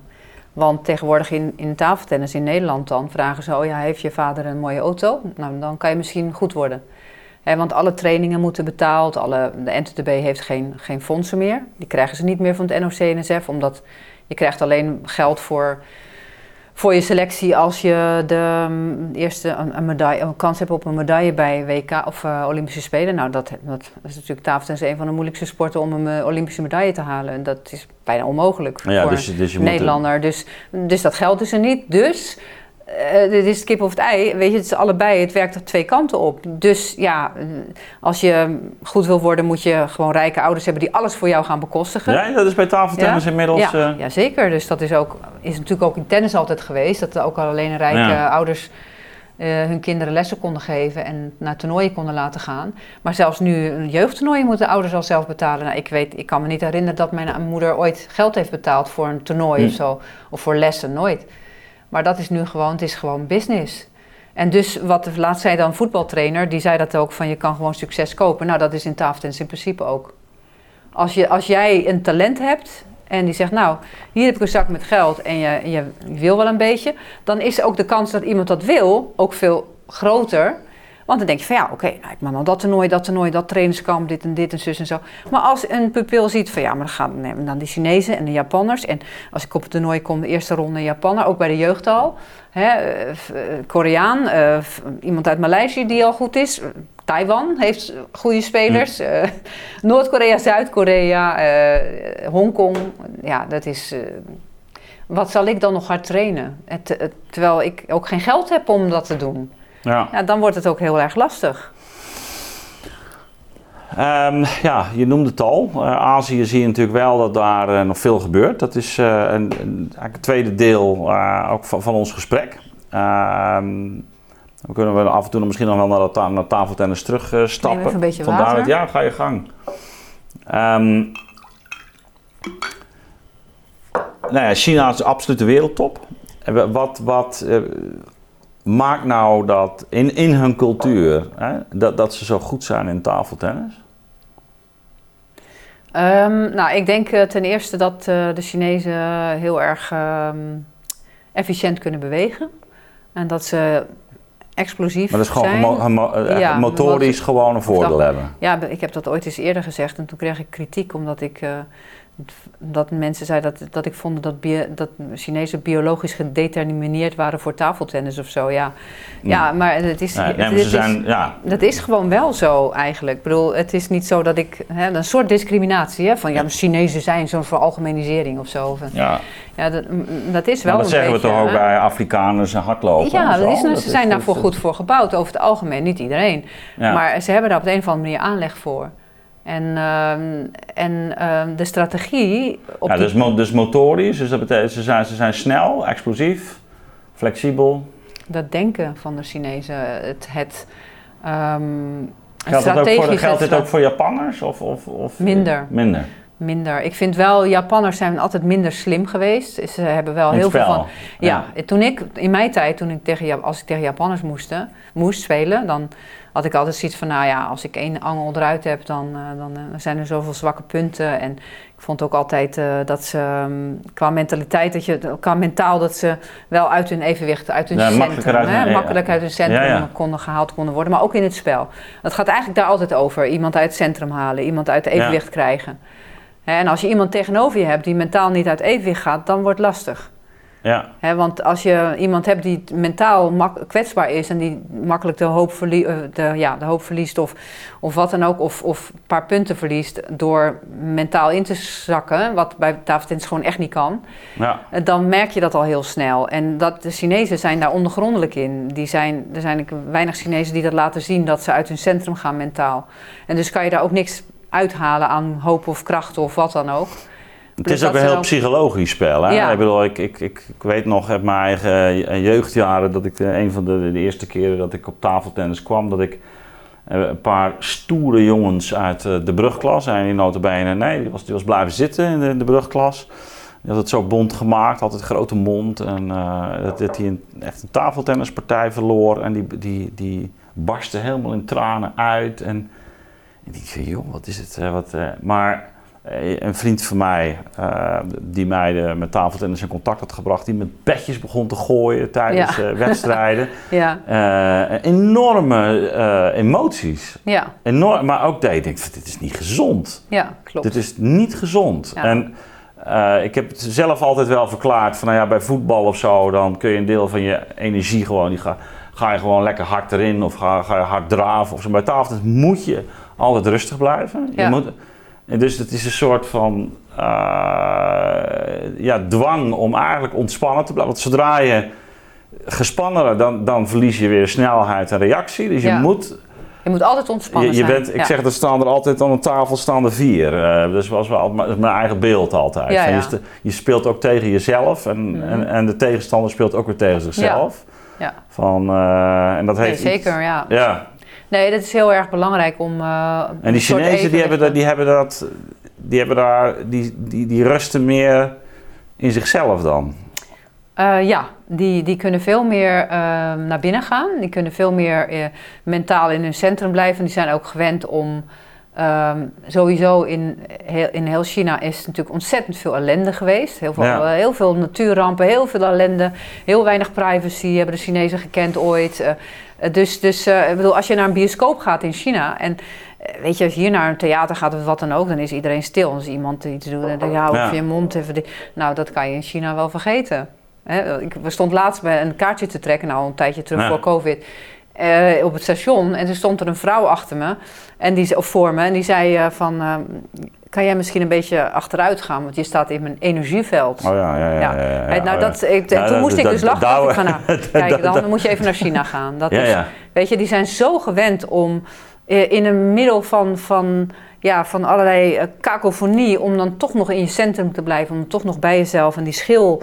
eh, je af te kunnen sluiten voor, voor, voor afleiding. Dat, daar zijn de Chinezen gewoon geweldig goed in. En dat is bijna, bijna genetisch.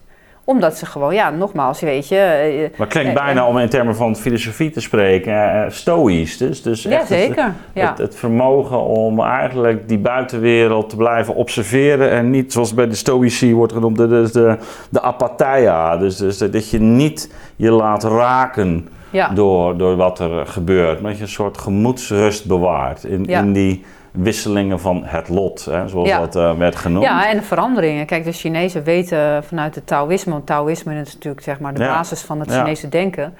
En dat gaat gewoon, dat is de Chinezen zijn veel en veel meer ehm, opgegroeid en, en bekend. eh, Ook zit dat bij wijze van spreken in de Chinees, genetisch, dat het leven constant verandering is. Hm. En dat alles, hè, dat het is yin en yang, is ook dat teken, dat witte. En Ja. er zit alweer het positieve, zit alweer in het negatieve. En dat is een constante dans.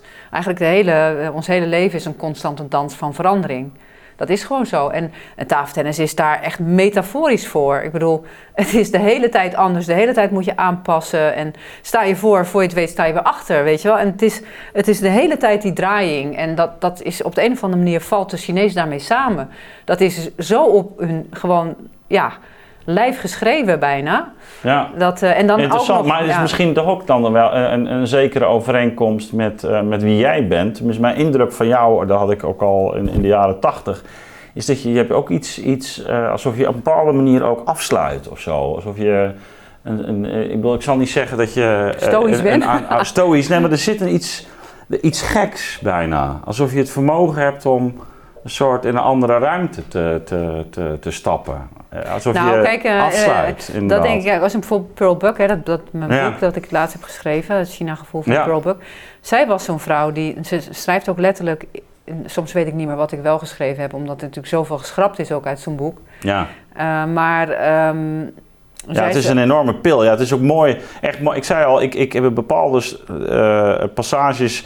Daar werd ik echt een beetje emotioneel van. Omdat je, je bes- je beschrijft het bijna ook eh, met de ogen van, een, eh, van haar, als, als kind ook. Hè? Dus alsof ze is in een soort taal waarin hele heftige dingen gebeuren. Dus Ja. dan komen we weer op dat thema in, in, in China. Ja, nou Eh, precies ja. Maar mm, Maar zij is daardoor, dat, dat over, omdat we het over Ja. verandering hebben en over Taoïsme en over omgaan met die verandering en je afsluiten. En dat, zij kon dat ook, want zij heeft natuurlijk verschrikkelijke dingen meegemaakt. En Ja. ook met name met haar dochter. En dan zei ze van ja, maar ik ben net een fabriek. Als het ene, ene stuk van de fabriek eh, wordt afgesloten, dan gaat het andere functioneert gewoon nog. Ja, maar ook met, de, Ja. met haar eh, zusje, wat, eh, over, broertje, wat, eh, wat over, overlijdt. Vier die- broertjes en ja, zusters, Ja, ja. maar wat ze zelf meemaakt, dat de eerste was dan... Dus ze heeft er drie, die, hebben, heeft, die waren al overleden voordat ze werd geboren. Ja. Ja. En de- en de een, die, andere, die andere heeft ze ook daadwerkelijk eh, zelf bewust zien sterven. Allemaal kindersterfte Ja. in China door ziektes. Hè. Ja. Covid, denken we dat het allemaal Ja. heel bijzonder is. Maar als je dat boek leest, dan merk je dat, eh, dat ziektes nog veel dodelijker waren vroeger. ja, Hè, want dat is natuurlijk iets wat wij ja, denken dat, dat eh, COVID is zo, weet je, of het nou uit een lab komt of waar dan ook vandaan. Dat maakt dan ook weer niet zoveel uit. eh, dat, dat er ziektes zijn waaraan, waar je aan je kan doodgaan. En waar, en waar, een, waar een pandemie of een epidemie, in, in dit geval was het een epidemie natuurlijk, omdat het vrij lokaal bleef.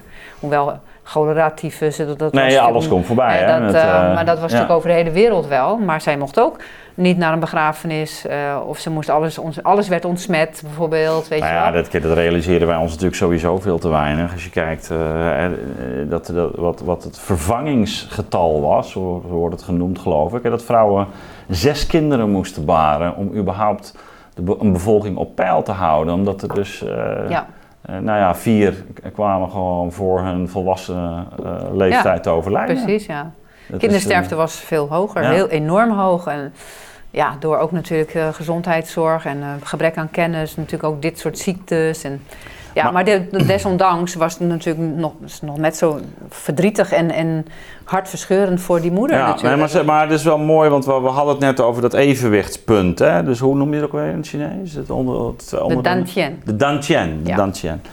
Ehm, eh, en, en, en toen zei ik van ja, maar je hebt mij op, jij hebt op mij ook altijd wel zo'n soort indruk gemaakt van iemand die op een, alsof je op een beetje op een andere planeet leeft of zo. Alsof je of in een soort eh, geestelijke eh, ruimte hebt om je af te sluiten of zo en heel erg te focussen of zo. Ja. En eh, eh, ik bedoel, je vertelde net over je eigen jeugdsituatie. Is, is dat, is dat hè, haar jeugd is natuurlijk echt een, eh, echt een drama als je, je ziet wat ze, wat ze meemaakt. Maar ehm, je vertelde net over het overlijden van je vader. Is, zijn dat zeg maar, ook dan gebeurtenissen die op een bepaalde manier, ja, hoe erg ze ook zijn, maar ook vormend worden, waar, waar, waar uiteindelijk ook iets uit te halen valt? Is het, heb je dat zelfs wel eens mee in verband gebracht met je eigen... Ja, nou weet je, het is natuurlijk iedereen die eh, erge dingen meemaakt, eh, die probeert te overleven. Ja. En ehm, in eerste instantie probeer dan, ehm, ja, of je gaat er dan onderdoor, of je hebt veerkracht en je gaat daar iets van En positiefs maar het van hakte er bij jou dus kennelijk wel op enorm in. In de zin van dat je ook met die school worstelde en zo. En dan... Nou, het is bekend hè, als kinderen ja, emotioneel nee, beschadigd raken, Ja. dan kunnen ze niet meer leren. Ja, En dat, eh, dat is gewoon een bekend gegeven. Ja. En, eh, nou ja, absoluut. ehm, maar wat ik wel... ehm, ehm, Maar tafeltennis kon je dus nog wel. precies. Ja, Ja, dat is iets waar je dan in kan verliezen. Waar je dan... Waar je dan dat was ook een soort veilige... Ha ha- of waar je je rust vond ook. Ja, het zeg maar hypnotiserende, het Ja, repeterende Ja. van dat Ja. balletje. Ja, dat ja, dat ja, ja, werkte ja, wel, ja, zeg maar, ja. voor mij. Ja, Ja, ja, ik, heb het met, ik, ik ben af en toe enorm dol op voorhand, voorhand. Omdat het een soort... eh je komt op een gegeven moment een soort trance ervaren. ja precies. Dat ja. is een soort tijdloze ritme. Alsof, Ja. alsof die twee lichamen één worden. Een soort Ja. van... eh, som- met sommigen gaat het ook heel erg goed. Met Kento, die jij ook kent, kan ik al heel goed voor en ja, voorhand ja, eh, ja. Doen. Dat is, dat is een soort goede combi. Dat ja is, als, eh, het, als, het, als je lekkere training hebt, dan, eh, ja. ja, dan kan je helemaal, helemaal buiten jezelf komen. Helemaal Ja. in een soort hypnosetoestand terechtkomen. En je, je, je drijft op, die, op dat ritme van die bal en, en je bent de hele tijd aan het bewegen. En, en ja, het, het, het lijkt net alsof iets anders jou bestuurt. ja. Hè, eh, en dat, dat, vond, dat vind ik zelf. Hè, en dat is ook, als je dat niet kan ervaren in die sport, ja, hoe kan je dan zes uur elke dag gaan Nee. trainen? Dan, Nee, dat wordt het ook wel lastig. Maar is het ook dat de Chinezen dat ook heel goed kunnen opzoeken, dat punt? Dat ze gewoon in die activiteit zijn. Aristoteles noemt het energia, Ja, energie. En dat ze in die energia, in die, dat ze daar gewoon in blijven. Dat ze niet boos worden of zo, of, of maar... Is, is, dat, is dat wat hen Nee, dat zo- kunnen ze heel goed. Ze kunnen heel goed eh, hun emoties eh, beteugelen en uitschakelen. Ze kunnen heel goed boven zichzelf uitstijgen. Maar ook is het natuurlijk voor heel veel Chinezen, eh, jonge mensen die, de- die, uit de arme provincie komen, ook een manier om, om uit de armoede te gaan. Dus het is ook een soort. Ja, want ik heb natuurlijk tegen zoveel Chinezen getraind. Meisjes vooral, want jongens, Ja. daar train je dan niet mee meestal. Nee? Nee, is apart. Hè, de mannelijke en de vrouwelijke wereld, als je dat leest met dit boek, dan- die zijn v- vroeger helemaal. Ja. Dan was het totale gescheiden werelden.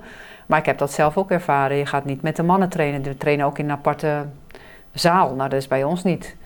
Eh, en ehm, dus je hebt ook ik heb ook gezien dat er heel veel die die motivatie uit zichzelf, die innerlijke drive helemaal niet zo hadden. Maar die door hun ouders gestuurd zijn. Of die denken van nou, misschien leuk. Hè, of anders moet ik iets anders doen. Of, eh, ja, dus het is ook, je ziet ook heel veel verschillende soorten mensen, maar dat is hier ook. Je ziet, ja, die vinden het wel leuk om een balletje te slaan, maar ze gaan helemaal niet zo in, in het spel op of zo, weet je wel. Ja. En die kunnen dus ook niet, dat, dus dat is ook heel wisselend. Maar, Maar- ik denk dat hun talent, de talent van de Chinezen, niet alleen mentaal, maar voornamelijk ook fysiek.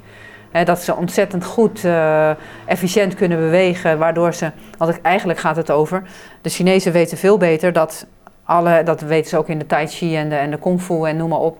Eh, daar zitten die filosofieën zitten daar ook in. Dat, eh, dat je letterlijk jezelf op kan laden door energie te halen uit de grond. Uit, uit de grond. het is ja. gewoon, je bent zo een Maar batterij. dus ze gaan staan ook. Ja, en ik zeg ook altijd, altijd veel meer, en mensen die verklaren mij soms ook voor gek hoor, met Bettine weer met grounding. Maar het komt natuurlijk allemaal uit die grond. En je moet die grond be- be- gebruiken. Dat is misschien toch je Eh. boerenafkomst, die, de aarding. De goede aarde, de goede aarde. Nou goede nee, dat is, aarde. dat is heel Ja. erg spiritueel hoor. Ja, ja, ja. nee, Ehm, dat, is ook, dat kan ook. Ja. Ja. Ja. Nee, maar het komt allemaal uit de grond. Hè? En, en de, die Mhm. dantian, met je dantian ben je verbonden aan de hemel, maar met je voeten ben je... En ik bedoel, er zijn eh, van die tai chi meesters en zo, die hebben dat eh, ook wel boeken geschreven over het natuurkundige element van tai chi. Mhm. En dat is niks zweverigs bij, dat is gewoon meetbaar. Het is gewoon meetbaar hoeveel energie Ja. uit die grond Nee, maar dat- ik, ik, ja. En dat weten zij heel goed te gebruiken. Dus als je, nou, ik heb in de parken heb ik heb filmpjes gemaakt voor NOS en noem maar op. Ja. En dan heb ik gezien dat ze daar op een gegeven moment tai chi gaan doen in parken. En dan, ik heb het op verschillende plekken gezien. Dan, dan, dat zijn van die masters die hebben jarenlang, weet je, die, die vormen getraind. Nou, ik heb ook een tai chi leraar gehad en die zei tegen mij, Bettina, jij hoeft helemaal niet die vorm meer te trainen, want jij hebt die vorm al. Jij, dat, dat heb jij met tafeltennis gedaan. Die vorm zit in jouw tafel. Jij weet wat het is om je ge- gewicht te verdelen, daar te hebben waar je het Hmm. nodig hebt, om, ehm, eh, om de energie eh, eh, te- ja, te verplaatsen, zeg maar. Want als je tai chi doet, dan heb je de vorm en in die vorm train je je structuur. En train je, laat je op door die energie uit de grond te halen. En dan ga je die vormen doen die erop gericht zijn om jouw evenwicht te bewaren en om kracht te verzamelen. Nou, en dan zie je dus op een gegeven moment ga je dan wedstrijden doen. En dat is hetzelfde als wat wij trainen. En op een gegeven moment ga je wedstrijden doen. Dan komt alles wat je in de training hebt, dat komt erop. Nou, dat heb je dan in de, in de Chi zie je dat ook. Dan zie je in de parken zijn er wedstrijden. En dan denk je, wat gebeurt hier nou? Hè? We hebben natuurlijk push hands en Ja. zo. Hè? En dan, is dit ook, en dan, eh, dan, nou, dan staan ze om elkaar heen te, dragen, te draaien. Hè? En dan, dan op een gegeven moment zie je iemand die ziet blijkbaar, dat is een getraind oog, er is een leegte. Want in de Chinezen denken heel erg Ja. in de termen van leegte. Hè? Ja. Eigenlijk zit, gebeurt alles in de leegte. Mhm. Daar haal je energie. En dan zie je opeens zo'n duwtje, heel klein duwtje. En dan zie je iemand gewoon nou, aan de andere kant van de straat terechtkomen. Terwijl het maar zo'n klein duwtje is. Kijk, en die subtiele energie, die weten de, daar weten de Chinezen Dat is ook die overeenkomst met tafeltennis. Ja. En dan, als je Dus dan die- ziet van paf en dan naar die ballen komen zo hard en zo snel. Dat, is, dat weten ze te gebruiken. Dat, dat is gewoon bijna biologisch gedetermineerd. Al mag je dat niet zeggen. Ja, maar wel dat is, eh, gecultiveerd. zo. gecultiveerd, ja. Ja. ja. ja. En ze kunnen dus ook veel. Ze hebben het ook de hele tijd over center of gravity, center of gravity. Als je niet in die, dat middelpunt komt, dan kun je überhaupt die energie niet, niet gaan mobiliseren. Dan krijg je dat niet op de bal. En bij ons zie je dan eh, heel vaak, de, dan doen ze allerlei ingewikkelde oefeningen, maar ze weten eigenlijk niet, eh, niet eens gewoon hoe ze moeten staan. Hoe ze op de juiste manier moeten staan, waardoor ze mogelijk in dat center of gravity staan. En dan uit die center of gravity, daar kan je die energie. En net als Bruce Lee. Ik bedoel, Ja. eh, die, die hoefde maar hier te stoppen en iemand kwam al zo. Weet je, die, die ging al, werd al omgeduwd naar de andere kant van het ding. Die hoeft niet eens aan te raken. Er kwam al e- energie uit zijn vingers. En zeggen we, ja, hocus pocus. Nou, het is gewoon natuurkunde. Er zijn gewoon boeken over geschreven. Ja, nee, een vriend van mij doet ook al heel veel jaren aan Qigong.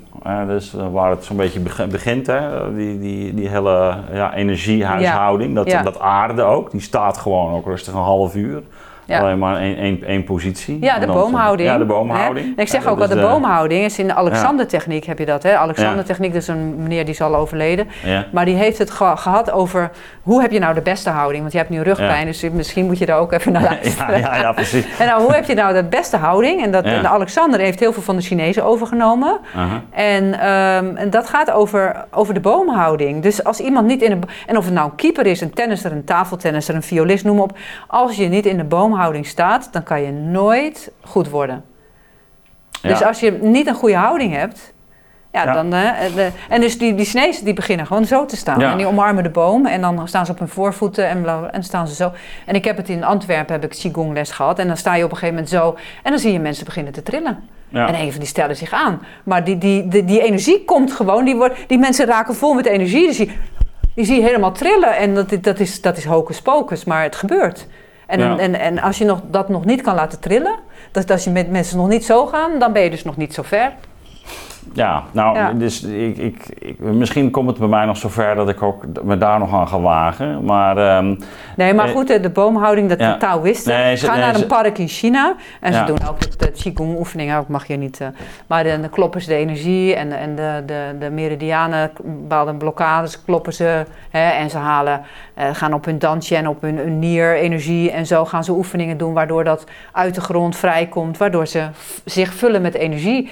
En dat is allemaal zo subtiel. Dat, dat, dat, dat, dat is... En als ik dit vertel, dan zijn er heel veel mensen die denken van... ja, nee, weet je, die is gek. Maar ja, helaas, het is gewoon... Uh, in China gebeurt het. Ja. En het, er wordt mee gewerkt. Hetzelfde met acupunctuur of met weet ik veel wat. En dan kan je ook zeggen, ja, dat, dat bestaat niet of dat werkt niet. Ja, nou ja, weet, nee, oh, nee, maar dus, dus, voor mij is dat buiten kijf dat dat gewoon een eigen traditie is die ook gewoon werkzaam is. Ik, ik maak ook regelmatig gebruik van shiatsu, dat is dan weer uh, Japan, dacht ik. Hè? Ja, uh, maar, drukpunt energie, ja. Maar, maar goed, uh, wel, wel verwant natuurlijk aan die, aan die benadering. Um, maar goed, dus we, we, we gingen eigenlijk vanuit, vanuit de tafeltennis naar, naar, naar China. veel mensen maken zich natuurlijk ook wel zorgen over China en over wat daar gebeurt. Ehm, je ziet enerzijds de enorme power, de kracht die, die loskomt. En uh, nou, iedereen kent inmiddels wel het verhaal van de 19e eeuw. Je beschrijft trouwens heel mooi ook, uh, vind ik, in je boek. Hoe, ja, hoe dat, ja, wat voor effect dat eigenlijk heeft ook op, op hun ervaring van de westerling. de, de, ja, die, die toch niet mals ingrijpt. Met name de Engelsen natuurlijk, maar ook Russen. Uh, de, je hebt een uh, aantal natuurlijk hele heftige conflicten gehad. Het boksenconflict, de opiumoorlogen. Ongelooflijk deed dat. Ik me realiseerde ook, ik heb me eigenlijk nooit zo bij stilgestaan. Maar toen ik het in je boek tegenkwam, dat, dat je notabene gewoon een, een, je, je, je opiumhandel wil afdwingen waarmee je een volk naar de kloten helpt. Hè? Het is alsof je de heroïne wil inbrengen in Nederland. En, en, gewoon oorlog voert om te zorgen dat je die. Dat je ja, die en als je dan merkt hoe hard wordt opgetreden tegen drugshandel in China, dan. En als je dit allemaal hebt gelezen en weet, dan, dan, denk, dan ga je er toch ook anders naar kijken of zo. Weet je? Dat is, ja. vanuit dat, is, dat, heeft, dat heeft verschrikkelijk huis gehouden, Enorm. die, die opium. Hè? Nou, dat is een heel volk is verslaafd geraakt. Omdat, uh, Miljoenen, hè? Ja, omdat uh, China weigerde de, de poorten te openen voor Engeland. En uh, de Engelsen geen geld konden verdienen door gewone handel. Gingen ze, zijn maar illegale, gingen ze iedereen aan de opium? Zijn ze illegale opium binnengesmokkeld vanuit India. En daar is een heel volk gewoon, ja, dat lees je ook, hè, hoe, hoe, hoe moeilijk de vader van Pearl Bucket heeft gehad om heel veel opiumverslaafden te helpen. Ja. om, uh, om, om die weer op het rechte pad te krijgen. En dat, dat, was schering en inslag. Ja, en dat hebben wij gewoon op ons geweten. Een hele volk gewoon, ja, weet je, dat heeft Mao later gezegd. Ja, de zieke man van Azië zijn we nog. Dus we moeten ook sporten. We moeten, daarom ging hij ook de Yangtze overzwemmen en ook tafeltennissen om ervoor te zorgen dat China weer een sterke natie werd. En, want ze waren gewoon, niet alleen door die opiumhandel hoor, of zo. Er zijn natuurlijk ook heel Ja. veel hongersnoden geweest. En, eh, Nou weet ja, het was, als, je, bedoel, als je het leest, het was natuurlijk sowieso een land dat, dat in de 19e eeuw in het slop zat. Ik bedoel, ze waren ook zelf intern verzwakt, corruptie. ja, zeker. Eh, eh, veel, veel bendes die opereerden. Maar, ja, warlords, hè? ja, warlords, die, in- inderdaad. ehm, eh, maar goed, ze, ze, ze eh, omschrijven natuurlijk die, die periode ook als de, de eeuw van de vernedering. Nou, dat weten we. We weten ook dat ze in de 20e eeuw, en met name natuurlijk eh, in, de, in de tweede helft, ehm, ja, wel een, een, een, enorme inhaalslag hebben gemaakt. En nu, nou ja, vreest menigeen dat ze eigenlijk de, de nieuwe hegemoniale macht gaan worden. Nou, zover is het nog niet. Maar ehm, ja, jij komt natuurlijk al lang, vanaf je achttiende, dus toch al eh, na een geschiedenis van dik 40 jaar in, eh, eh, met China. Ja, dus je hebt het ook zien veranderen. ja zeker. ja. Ja. ja. En, en, en, en wat valt jou dan het meeste op als je gewoon terugkijkt? Oei, ja, ik denk zelf dat toen ik de eerste keer kwam, was het echt communistisch. Ehm, terwijl, ja, dan kan je afvragen of dat bij China hoort. Want China Ja. is natuurlijk nooit, is nooit egalitair geweest, altijd heel hiërarchisch ingesteld. En dus opeens wat, eh, ja, alle, ja, alle, zeg maar, cultuur moest kapot gemaakt. Nou ja, Mao hè. heeft Eh, natuurlijk ongelooflijk ja, huisgehouden. Dus dat, is, natuurlijk alle. Ja. Hè? Dat weet ik niet precies wat die voorolds waren, maar in ieder geval eh, ook de religie in ieder Ja. geval en zo. En, en het feodalisme, dat, dat moest allemaal, allemaal weg. Dus er moest allemaal gelijkvormigheid komen. Dus vanuit daar zag je dat hè, China, tenminste mijn vertrekpunt was, was die tijd. Ja? En daarna kwam ik... eh de ja dus dat te- eind, ja, eind, eind jaren 70. ja, en Ja. Dan, dan ben ik zeg maar in de jaren tachtig ben ik verschillende keren teruggegaan. En toen zag je inderdaad, zag je toch die hiërarchie weer langzaam terugkomen. En eh, heb ik gezien, en ook de verwestelijking van China heb ik gezien. Dus dat, ja, opeens zag je cd's van Michael Jackson, Mi- Mi- Michael Ja? Jackson. Michael? Jackson. Michael Jackson. Dus dat, eh, dat zag je dan ook allemaal, weet je. De westerse wereld kwam binnen, het cu- cultuurimperialisme van het westen. Ja, En me, eh, Chinezen gingen westerse naamplaatjes dragen met, met Engelse namen en zo. Dat, dat heb ik allemaal gezien. En, en, ja ehm, want dat, dat, Engels kwam sowieso in Azië toen heel erg eh, op. Hè? Ook dat vonden ze hip. En eh, dat zie je in Japan ook. Dat was ja, wel- en dat is natuurlijk de opmaat ook naar Tiananmen-opstanden. ja. Dat heb Ja, ik ook allemaal precies. gezien. Hè? Dat was natuurlijk ook kijken naar het Westen. En, eh, en, en ja, Rusland, de Russische, de, de Rusland viel. Hè? Ja. en, en, dan, en de Berlijnse muur viel. En dat willen wij dan in China ook. Hè, wij willen ook eh, vrijheid. En eh, dat was allemaal naar westers voorbeeld. Ja. Dus dat heb ik ook gezien. Nou, daarna is het natuurlijk een enorme eh, crackdown op al dat gedachtegoed. En op, toen ging het weer helemaal terug.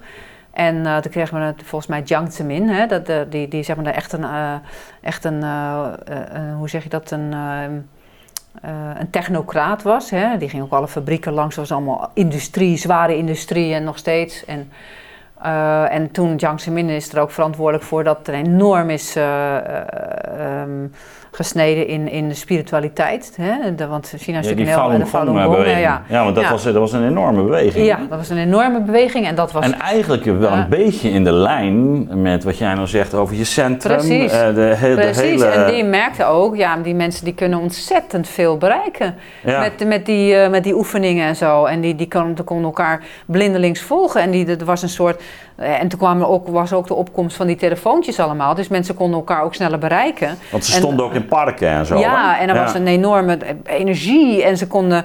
Ze, ze, ze raakten ook in vervoering en zo. En, en ze konden wat- wat- door die energie elkaar ook op de een of andere manier heel goed vinden.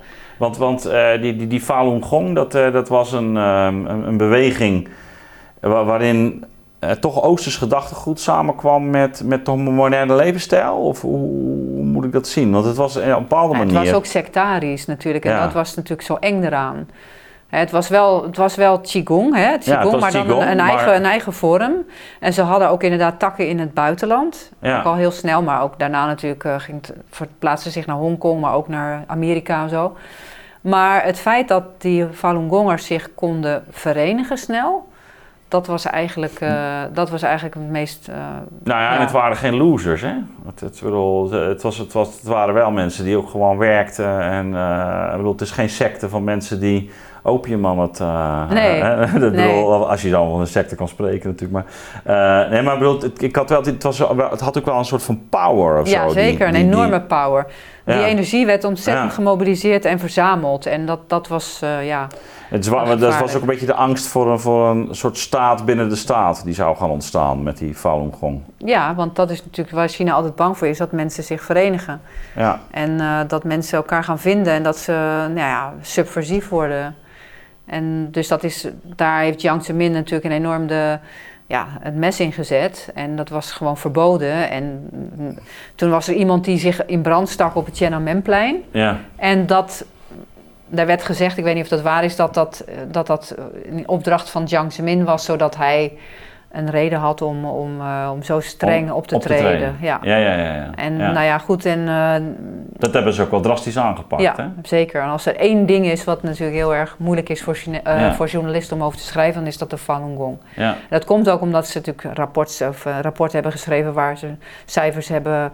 Ja, daar, daar, waren, er waren ook dingen die niet zo goed waren aan de Falun Gong. Ze waren Ja. niet, die zin niet zo integer.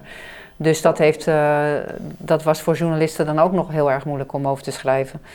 Dus, Ja. ehm, maar de, elke ja want jij was, jij was in, in, in, in 2006, ja, toen was het al achter de rug natuurlijk. Toen, toen, Ja. eh, dat was denk ik jaren 90 echt. Ja, toen kreeg je daarna, ik kreeg natuurlijk eh Jiang Zemin en eh, daarna al snel kwam, eh, nou ja, in ieder geval toen ik daar was, eh, was Hu Jintao aan de macht. Ja, En dat was dan iemand die, die heel erg eh, bezig was om de harmonieuze samenleving. Dat was dan zijn slogan, zijn leus. ja, dan was toch ook En die dan- toenadering naar het westen toch, in die, die periode. Toch nou, dat meer. was meer Deng Xiaoping, hè? Dat Oh, was Deng Xiaoping, die in, ik dacht in eh 2001, dacht ik, die ehm, ehm, speciale economische Hmm. zones opende in het zuiden van China, waardoor eh, ja, de proeftuintjes, want daar is Mhm. China altijd heel goed in geweest, hè, bepaalde proeftuintjes. Nou, je gaat, we willen iets nieuws gaan doen, maar we beginnen eerst Ja, ja, hier. en En, dan dan, kijken of dat werkt en dan gaat Ja. het verder Mhm. zo. En, en, en eh, ja, eh, dat had Deng Xiaoping gedaan. Nou, dat het werd een groot succes. Dus rijk worden was glorieus. Hè? Dus iedereen kon ook gewoon handeltjes drijven. En opeens was dat allemaal geoorloofd. Ook om dat allemaal zelf te doen. En met buitenland ook. En dat heeft natuurlijk een enorm eh, vliegwiel-effect gehad op de economie in China. En mensen die eh, opeens konden ze initiatief nemen. Nou, bleek dat de Chinezen ontzettend goed initiatief konden nemen. Want mensen hebben zo ongelooflijk veel, ehm, ja, veel, eh, natuurlijk ook wel door mensen uit te buiten. Want er werd ook natuurlijk over de rug van heel veel lage lonen arbeiders, werd het ook veel geld verdiend. Hè. Dat is natuurlijk, nu wordt dat steeds moeilijker in China. Maar er zijn natuurlijk heel veel Chinezen overnight op een hele verkeerde manier rijk geworden. En by the way ook buitenlanders. Hè. Ik bedoel, Westerlingen ook die fabrieken, oude fabrieken die met slechte leningen niet eh, op de poten bleven, die hebben ze opgekocht. Lees Mr. Chi- Mr. China. Hè? Eh, Mhm. Dat is een ongelooflijk mooi boek over nou, al die fabrieken die eigenlijk ontmanteld werden, die, die, die dus eigenlijk verouderd waren en ook in feite gewoon failliet waren om die op te kopen en dan ja, eh, de Chinezen in dienst te nemen om iets nieuws te beginnen. Ja, dat is, dat is een beetje wat je in de jaren 90 natuurlijk op het Ja. Oostblok hebt gezien. Ja, precies. Nou ja, en dat, dat, dat eh, hele verhaal heeft natuurlijk toe, toegeleid dat, dat nou, de Chinezen eh, gewoon maar- de economie heel erg op poot is gekomen. En toen kwam de Olympische Spelen natuurlijk. Hè. Dat was het openingspunt van China naar de wereld. Want kijk eens, we hebben ook zoveel mensen uit de armoede gehaald. En natuurlijk ook de ar- arbeidsmigranten die, die naar de... wanneer was het ook alweer? Het, eh, 2008. Acht, ja, Ja, precies, en de- daarvoor, die jaren daarvoor was natuurlijk eh, Peking ook opgebouwd in heel veel grote steden door, door die arbeidsmigratie die opeens mogelijk was. Want Mao Zedong heeft gewoon verboden voor, voor mensen die in de provincie wonen om naar de stad te verhuizen. Je hebt ook een goeko, een, een soort Mm. ja, eh, paspoort voor ofwel de stad ofwel het platteland. En met een plattelandsgoeko, hè, eh, verblijfsvergunning, kan je niet in de stad gaan wonen. Dat werd opeens dat werd, eh, afgeschaft. Ja, ja, dus het werd opengegooid. Het werd opengegooid, en, maar ook niet volledig. Dus dat werd wel gereguleerd, want ze hebben op een gegeven moment een of andere stad, ik weet niet, volgens mij was het Shenzhen, nee, of, eh, uh, Chengdu, dacht ik, maar ik weet, kan, kan, kan ook een andere stad zijn. Daar hebben ze dat helemaal opengegooid en dat, dat bleek niet te werken. Want ja, ik bedoel, kinderen moeten, van die arbeiders moeten naar school. Je moet gezondheidszorg hebben. Met zoveel mooi influx moet je ook zorgen dat je logistiek op orde is. Dus dat werkte gewoon totaal niet. Dus dat werd wel best wel. Hè. En nu is er weer, juist bij Xi Jinping zie je dat al die arbeiders die worden allemaal weer teruggestuurd naar de provincie. Ja? Ja, de, al die kleine winkeltjes en noem maar op, is echt ontzettend de bezem doorgehaald. Dus, dus het wordt allemaal groot en allemaal flagship stores moeten het zijn, maar de, leuke kleine ja, schamele winkeltjes en zo. Met al die arbeiders die ook op, op hun manier nog een, aan een, cent kunnen verdienen. Dus een schone top, maar ja want, ja, want, want, want China moet de grote steden, is het uitgangsbord van, van, ja, van, van het grote China, dat, dat modern en welvarend is en kan wedijveren met het Westen.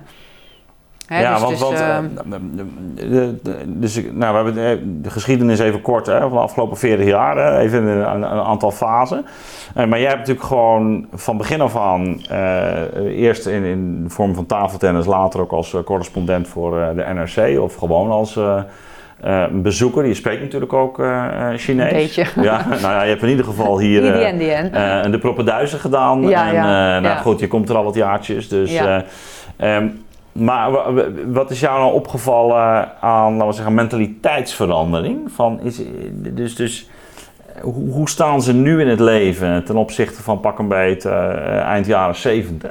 Nou, ik vond toen de Chinezen heel erg terughoudend en heel erg verlegen en weinig zelfvertrouwen. Voor, tenminste, voor zover ik dat kon, toen al kon inschatten, maar in retrospectief ook. Hè?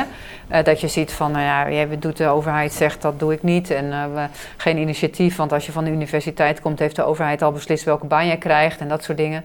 Ook ontzettend dociel en dat zie je veel minder. Je ziet veel mensen die hebben eindige initiatief. Tenminste, in de, de tijd dat ik er dan ja. allengs geweest ben. Want nu zie je dat wel weer wat minder worden, vind ik hoor. Ja, ja maar, maar ehm, bijvoorbeeld als ze dan gingen tafeltennissen en ze zaten daar dan eenmaal, dan gingen ze gewoon ook als beesten tekeer. Of als uh, bij het Chinese staatssecretaris, uh, bij uh, staatscircus kwam. Want je zag wel natuurlijk bij in die sportwereld en bepaalde dingen waar ze extreem goed waren. Maar dat is dan meer, laten we zeggen, als je die positie hebt, dan ga je daarin helemaal in op. Maar het is niet zozeer vanuit een vrije houding van wat ga ik doen met mijn leven. Zo, of, of, nou, dat is veel vrijer geworden. Ja, ja. Mensen mogen veel meer bepalen wat ze willen met hun leven. Dat was vroeger echt niet zo. Dat was allemaal bepaald. En ja. ook het verdienmodel natuurlijk. Ja, weet je, een arts die verdiende bij wijze van spreken evenveel als, weet ik veel, iemand die die de straat is gewoon veegt of zo. Nou, er was al wat verschil in. En ook natuurlijk met secundaire arbeidsvoorwaarden hadden meestal de rijken of de, de hoogopgeleiden wel wat, wat betere situaties. Maar dat zie je natuurlijk een enorm verschil in arm en rijk op, uh, is, is ontstaan. Dus China is natuurlijk een enorm neocapitalistisch land. En dat is ja, ook, want, ja, want uh, jij zei van ja goed, Mao heeft natuurlijk geprobeerd om die grote uh, Gleichschaltung, die, die nivellering, tot stand te brengen. Nou, je hebt natuurlijk altijd wel die macht gehad van bureaucraten en de partij. Dat zijn ook families uh, die, die, die daarin. Maar jij zegt het is. Je ziet eigenlijk wel, dat, daar had je het ook over in ons voorgesprek. Het, is, het is veel hiërarchischer gestructureerd dan wij, dan wij denken. Dat, die, die de Chinese maatschappij. maatschappij. De maatschappij ja. is heel erg hiërarchisch ingesteld. Ook de sociale verhoudingen met name. Ja, maar ja, goed, de sociale verhoudingen zijn, dat, dat vormt de maatschappij. Hè? Dus de vaststaande verhoudingen van Confucius. Als je vorst bent, dan, dan sta je boven ja. de onderdaan. En als je oudere broer staat boven de jongere broer, vrouw staat onder de man enzovoorts. Er zijn er vijf vaststaande verhoudingen. En dan is er eentje die is gelijkwaardig. Dat is vriend-vriend. Dus daarom die zaken, ja. mensen moeten ook vrienden worden met de Chinezen, want dan ben je gelijkwaardig en dan ga je elkaar ook niet belazeren. Dat, zo is, dat is eigenlijk Um, maar dus die, die sociale verhoudingen bepalen heel erg. Dus als je hoog in de boom zit, kan je gewoon. Ja, en dat is natuurlijk ook waarom. Maar is dat ook zeg maar, gestratificeerd naar beroepen? Van als je zeg maar een arts bent nu. Uh, dat je dan, uh, en, je, en je hebt een zoon, dat je eigenlijk niet, niet wil dat hij trouwt met de dochter van Oh een, ja, ja, ja, zeker, ja, zeker.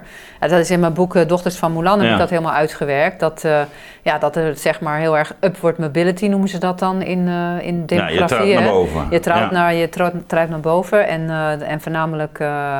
De, de, vrouwen hè, die trouwen naar boven, dat was bij ons ook zo hoor. Ik bedoel, de meeste vrouwen trouwen nog naar boven. Maar in China is dat ja, weet je, onbestaanbaar dat, uh, dat uh, een man bijvoorbeeld, ja, dat hij uh, een, ja, dat hij een, een lagere positie heeft dan, dan een vrouw, is heel moeilijk.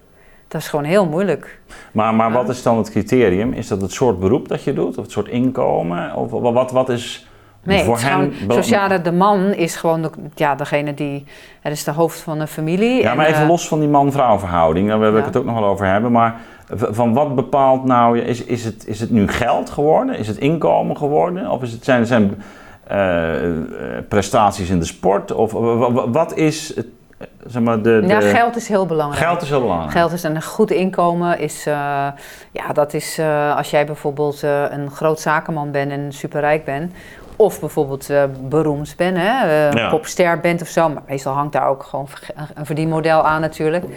Eh, Ja. Maar als je eh, minder geld hebt, dus bijvoorbeeld die, die, eh, die Sheng nu, hè, de vrouwen die dus alleen blijven omdat de meeste mannen die, ja, de meeste vrouwen die hebben dan die upward mobility al. En dan kom je dus aan, die, aan het hoofd van, of aan het boven Mhm. segment.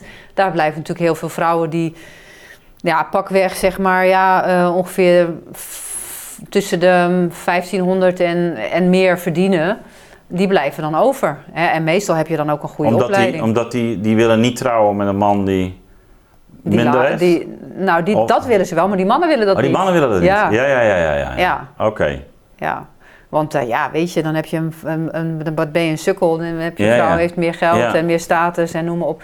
Want je ziet dus ook in die parken, zie je dus heel veel van voornamelijk moeders met die sandwichborden borden en eh, nou die, Wat, die sandwichborden? ja, sandwichborden, dus gewoon karton, hè. Dus eh, daar hebben ze dan zeg maar zo'n soort sand- sandwichman, Ja? vrouw in dit geval.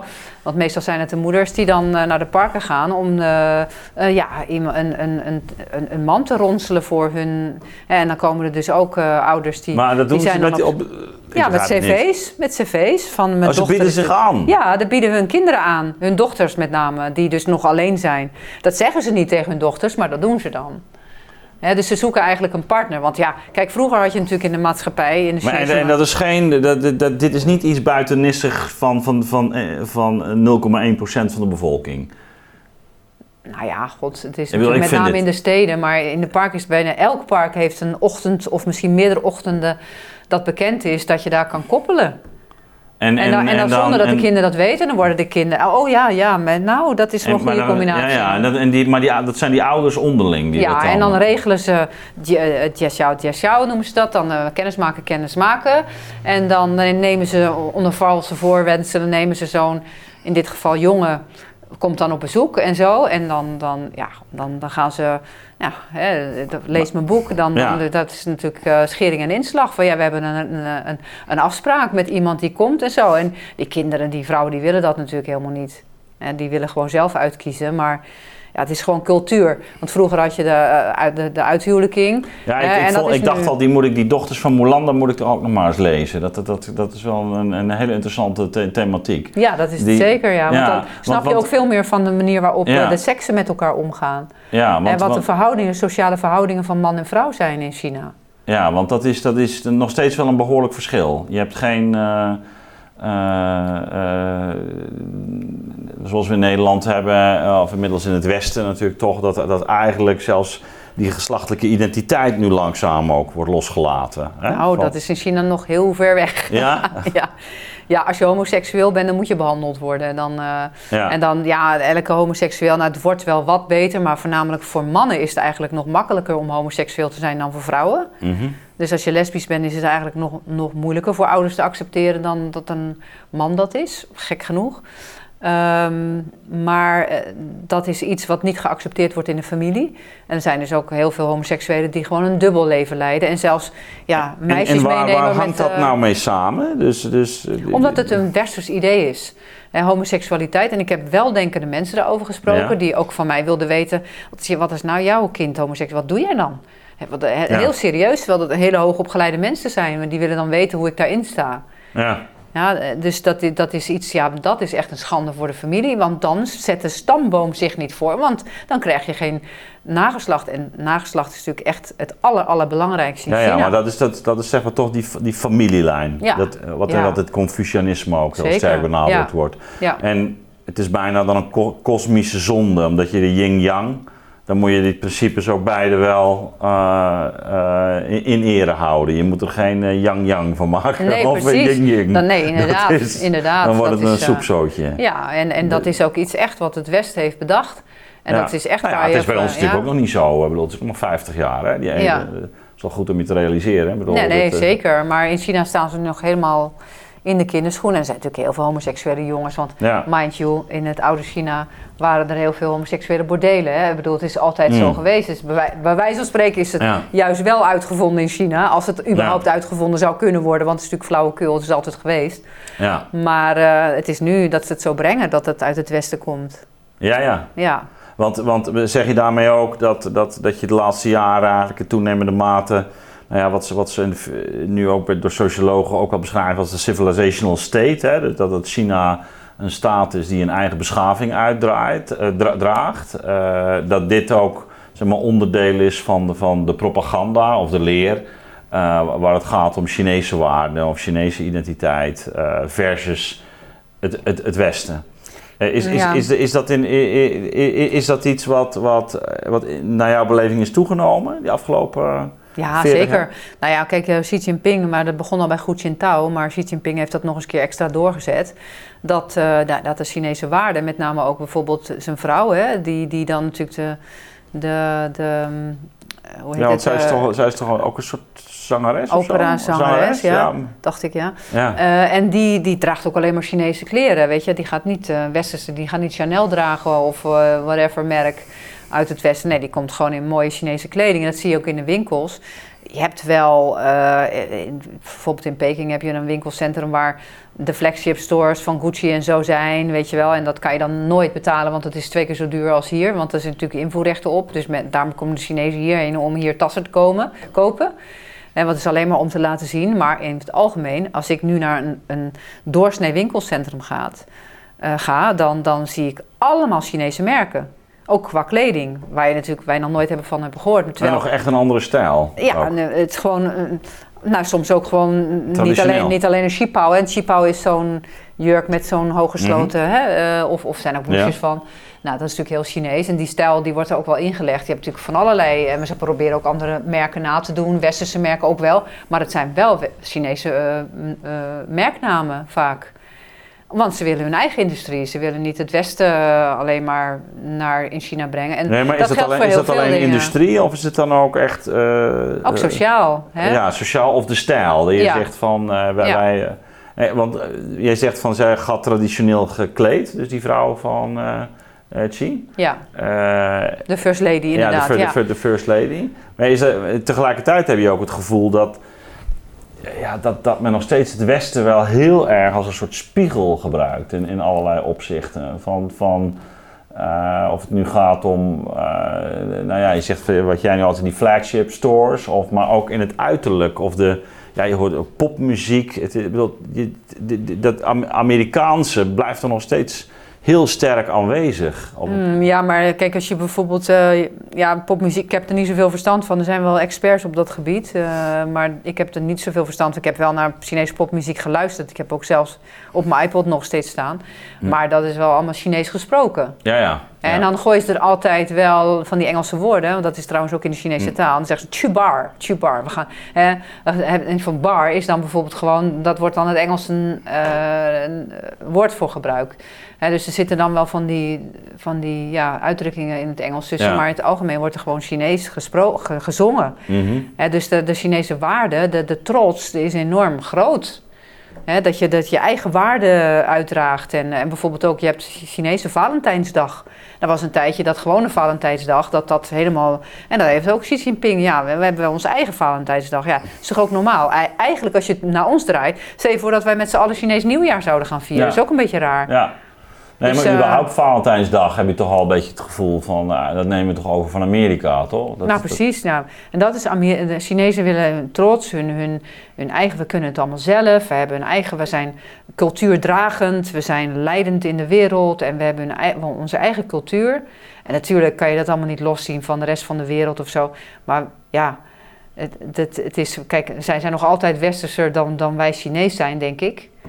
Uh, dat komt gewoon omdat, uh, ja, ja dat is, uh, door de Amerikanisering van die al heel lang aan de gang is. Ja, absoluut. Ik bedoel, de hele technologie komt oorspronkelijk natuurlijk uit het westen vandaan. En, en, en dat wordt natuurlijk wel geperfectioneerd nu, overal ter wereld. Maar brengt natuurlijk wel een bepaald soort levensstijl met zich mee. Die, ja, die we hier met elkaar hebben opgetuigd. Waarvan je nou ja, ook kunt afvragen of dat altijd een vooruitgang was. Maar um, merk, heb je nou ook gemerkt dat, dat, dat, uh, uh, dat ze ambities hebben? Of dat er, laat, in dit boek is heel duidelijk ook dat er uh, behoorlijk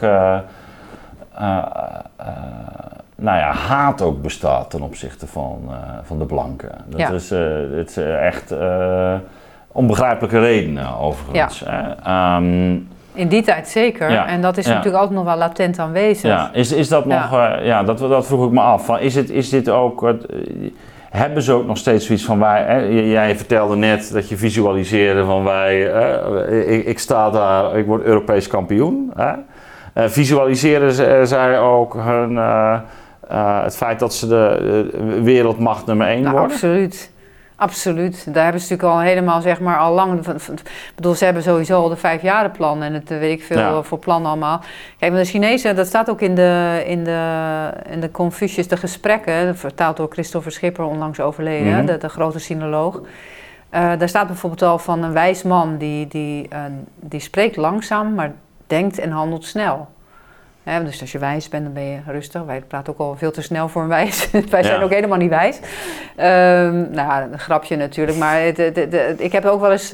Ik heb in, in, in dit boek hè, heb ik zakenmensen geïnterviewd over... en heb ik bepaalde thema's van het Confucianisme en Taoïsme als leidraad genomen. En heb ik gezegd van oké, wat, wat is nou eigenlijk... Wat betekent dat die waarde? Uh, hoe, wordt, hoe, zie, hoe heb ik dat ervaren in de sport? En hoe ervaren zakenmensen dat?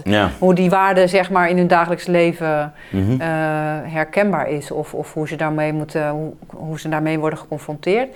En toen zei de, een man, is, dat is Lex van Hessen. Die had van Hessen darmenproductie. Dat is de grootste, als wij een darm eten of een, een worst eten van de HEMA. Dat is voor zeker van komt dat bij Van Hessen vandaan. Want hij is de world leader, altijd heeft het inmiddels verkocht hoor. Ja. Maar ehm, ik ben daar ook geweest in die fabriek. Dat is fascinerend. Dan kunnen Chinese vrouwen kunnen dat als enige. Omdat die zulke snelle, dunne handen hebben. Dat is ook nog zo'n dingetje waar, waar de Chinezen zo goed... Waarom ze zo goed in tafeltennis zijn. Die fijne motoriek. Maar hij kon het geen enkel, in een enkel land zo goed produceren als in China. Alleen maar door Chinese vrouwenhandel. Maar dus allemaal terzijde van, want hij zei van um, de Chinezen die denken op lange termijn en ze handelen op korte termijn, terwijl wij denken op korte termijn en we handelen op lange termijn. Dat is precies het verschil tussen China en, en het Westen.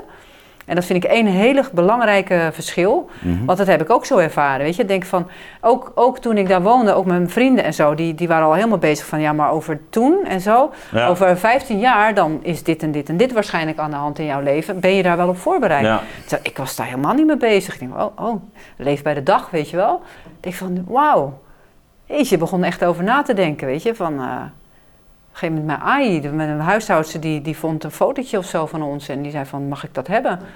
En ik, ik van, ja, tuurlijk, ja, zegt ze, want over twintig jaar als ik oud ben, dan zijn jullie nog maar dit in mijn herinnering. En dan denk ik, oh ja. Zo, weet je, Ik, ik, hm. ik, stond daar helemaal niet bij stil of is een andere relatie tot tijd ook. Ja, hele andere relatie. Ook bijvoorbeeld uh, agenda's. Hè. Daar moest ik ook heel erg aan wennen toen ik in China was. En van ja, niemand heeft een agenda in China. Dat kan je helemaal niet voorstellen. Want eh, ja, de, eh, ze, nogmaals, hè, ze, denken, eh, ze handelen op korte termijn en ze denken op lange termijn. Dan zou je zeggen, waarom hebben ze dan geen agenda? Omdat, ja, weet je, wil je afspreken? Wil, wil je, zullen we afspreken? Ja. ja, is goed. Hoe laat? Ja, hoe laat? Ja, dat is allemaal vandaag of hooguit morgen. Dus waarom heb je dan een agenda nodig? Want je, gaat toch niet, je weet toch niet wat je over drie weken doet? Dat, dat, dat, ja, ja, dat maak je. Dat is, misschien iets heel belangrijks. Dus op korte termijn ben je ook heel wendbaar. Maar je, je hebt, wel, maar je hebt wel je koers voor, ja. voor ogen. Ja, dus er kan, je hebt ruimte voor alles. En, en nou ja, hoe kan ik nou over drie weken weten dat ik dan tijd heb? Of dat er niet iets belangrijks is? Of dat er niet iets veranderd is in onze relatie of in, in de wereld of whatever. Nou, ik, ik, eh, ik moest er echt aan wennen. Ik heb ook echt nooit een agenda gehad. Want dan ging ik afspreken met uh, bijvoorbeeld voor een verhaal of zo. Met, met officials of met wat dan ook. Nou, en dan, dan, dan, dan kan je natuurlijk niet zeggen van ja, over twee weken. Dan zeg je nou, ik wil dat. En dan zeg je oké. nou, als, je dan, als het niet vandaag kon, nou, dan, uh, dan ga je maar nog eens een keer terugbellen. Dus er kon elke dag iets anders gebeuren. Dat vond ik ook heel apart van in China wonen. Nou, dan stond ik op en denk, nou, interessant hoe de dag zal, weer zal eindigen, want het was altijd weer verrassend. En natuurlijk ook in de journalistiek is dat inherent aan de journalistiek, want je weet ook nooit wat nieuws is. Maar het was ook de Chinese maatschappij. Ja, het past, past ook wel een beetje bij, bij de journalist natuurlijk. Uh, Jawel, maar dat was ook, het was altijd weer iets verrassends. En dat was ook wel, je moest daar ook zo flexibel zijn in je denken. En zo, dat ik soms ook wel moeilijk vond, weet je wel. Want hier kan je ook, ja, je plant het allemaal. Je, ik weet ook precies, de hele week weet ik eigenlijk al. En dat er iets verrassend is zelden. Maar daar was het altijd... Ja, het spreekt me wel aan hoor. Die, uh, ja. spreekt, spreekt, me wel aan deze... Maar, ja, maar iedereen die lang in China heeft gewoond, die zegt dit. Die zal dit zeker herkennen. Ja, nee, maar ik, ik, ik, ik, ik heb zelf ook de neiging om uh, wendbaar te zijn op de korte termijn. Maar wel dat je zeg maar, de lange termijn... Dus ik vind het wel grappig om dit nu, nu zo te, uh, te horen. Maar, maar dat is iets wat, wel, een waarde uit China, ja. die, ja, waar wij eigenlijk ook, uh, ook al bij wijze van spreken mee geconfronteerd worden. Weet je, de waarden van China komen natuurlijk gewoon ons westerse ja. systeem binnen. En we hebben de, de, de serie van Ruben Terlouw natuurlijk, ja. hè, met hoe China zich manifesteert in de rest van de wereld.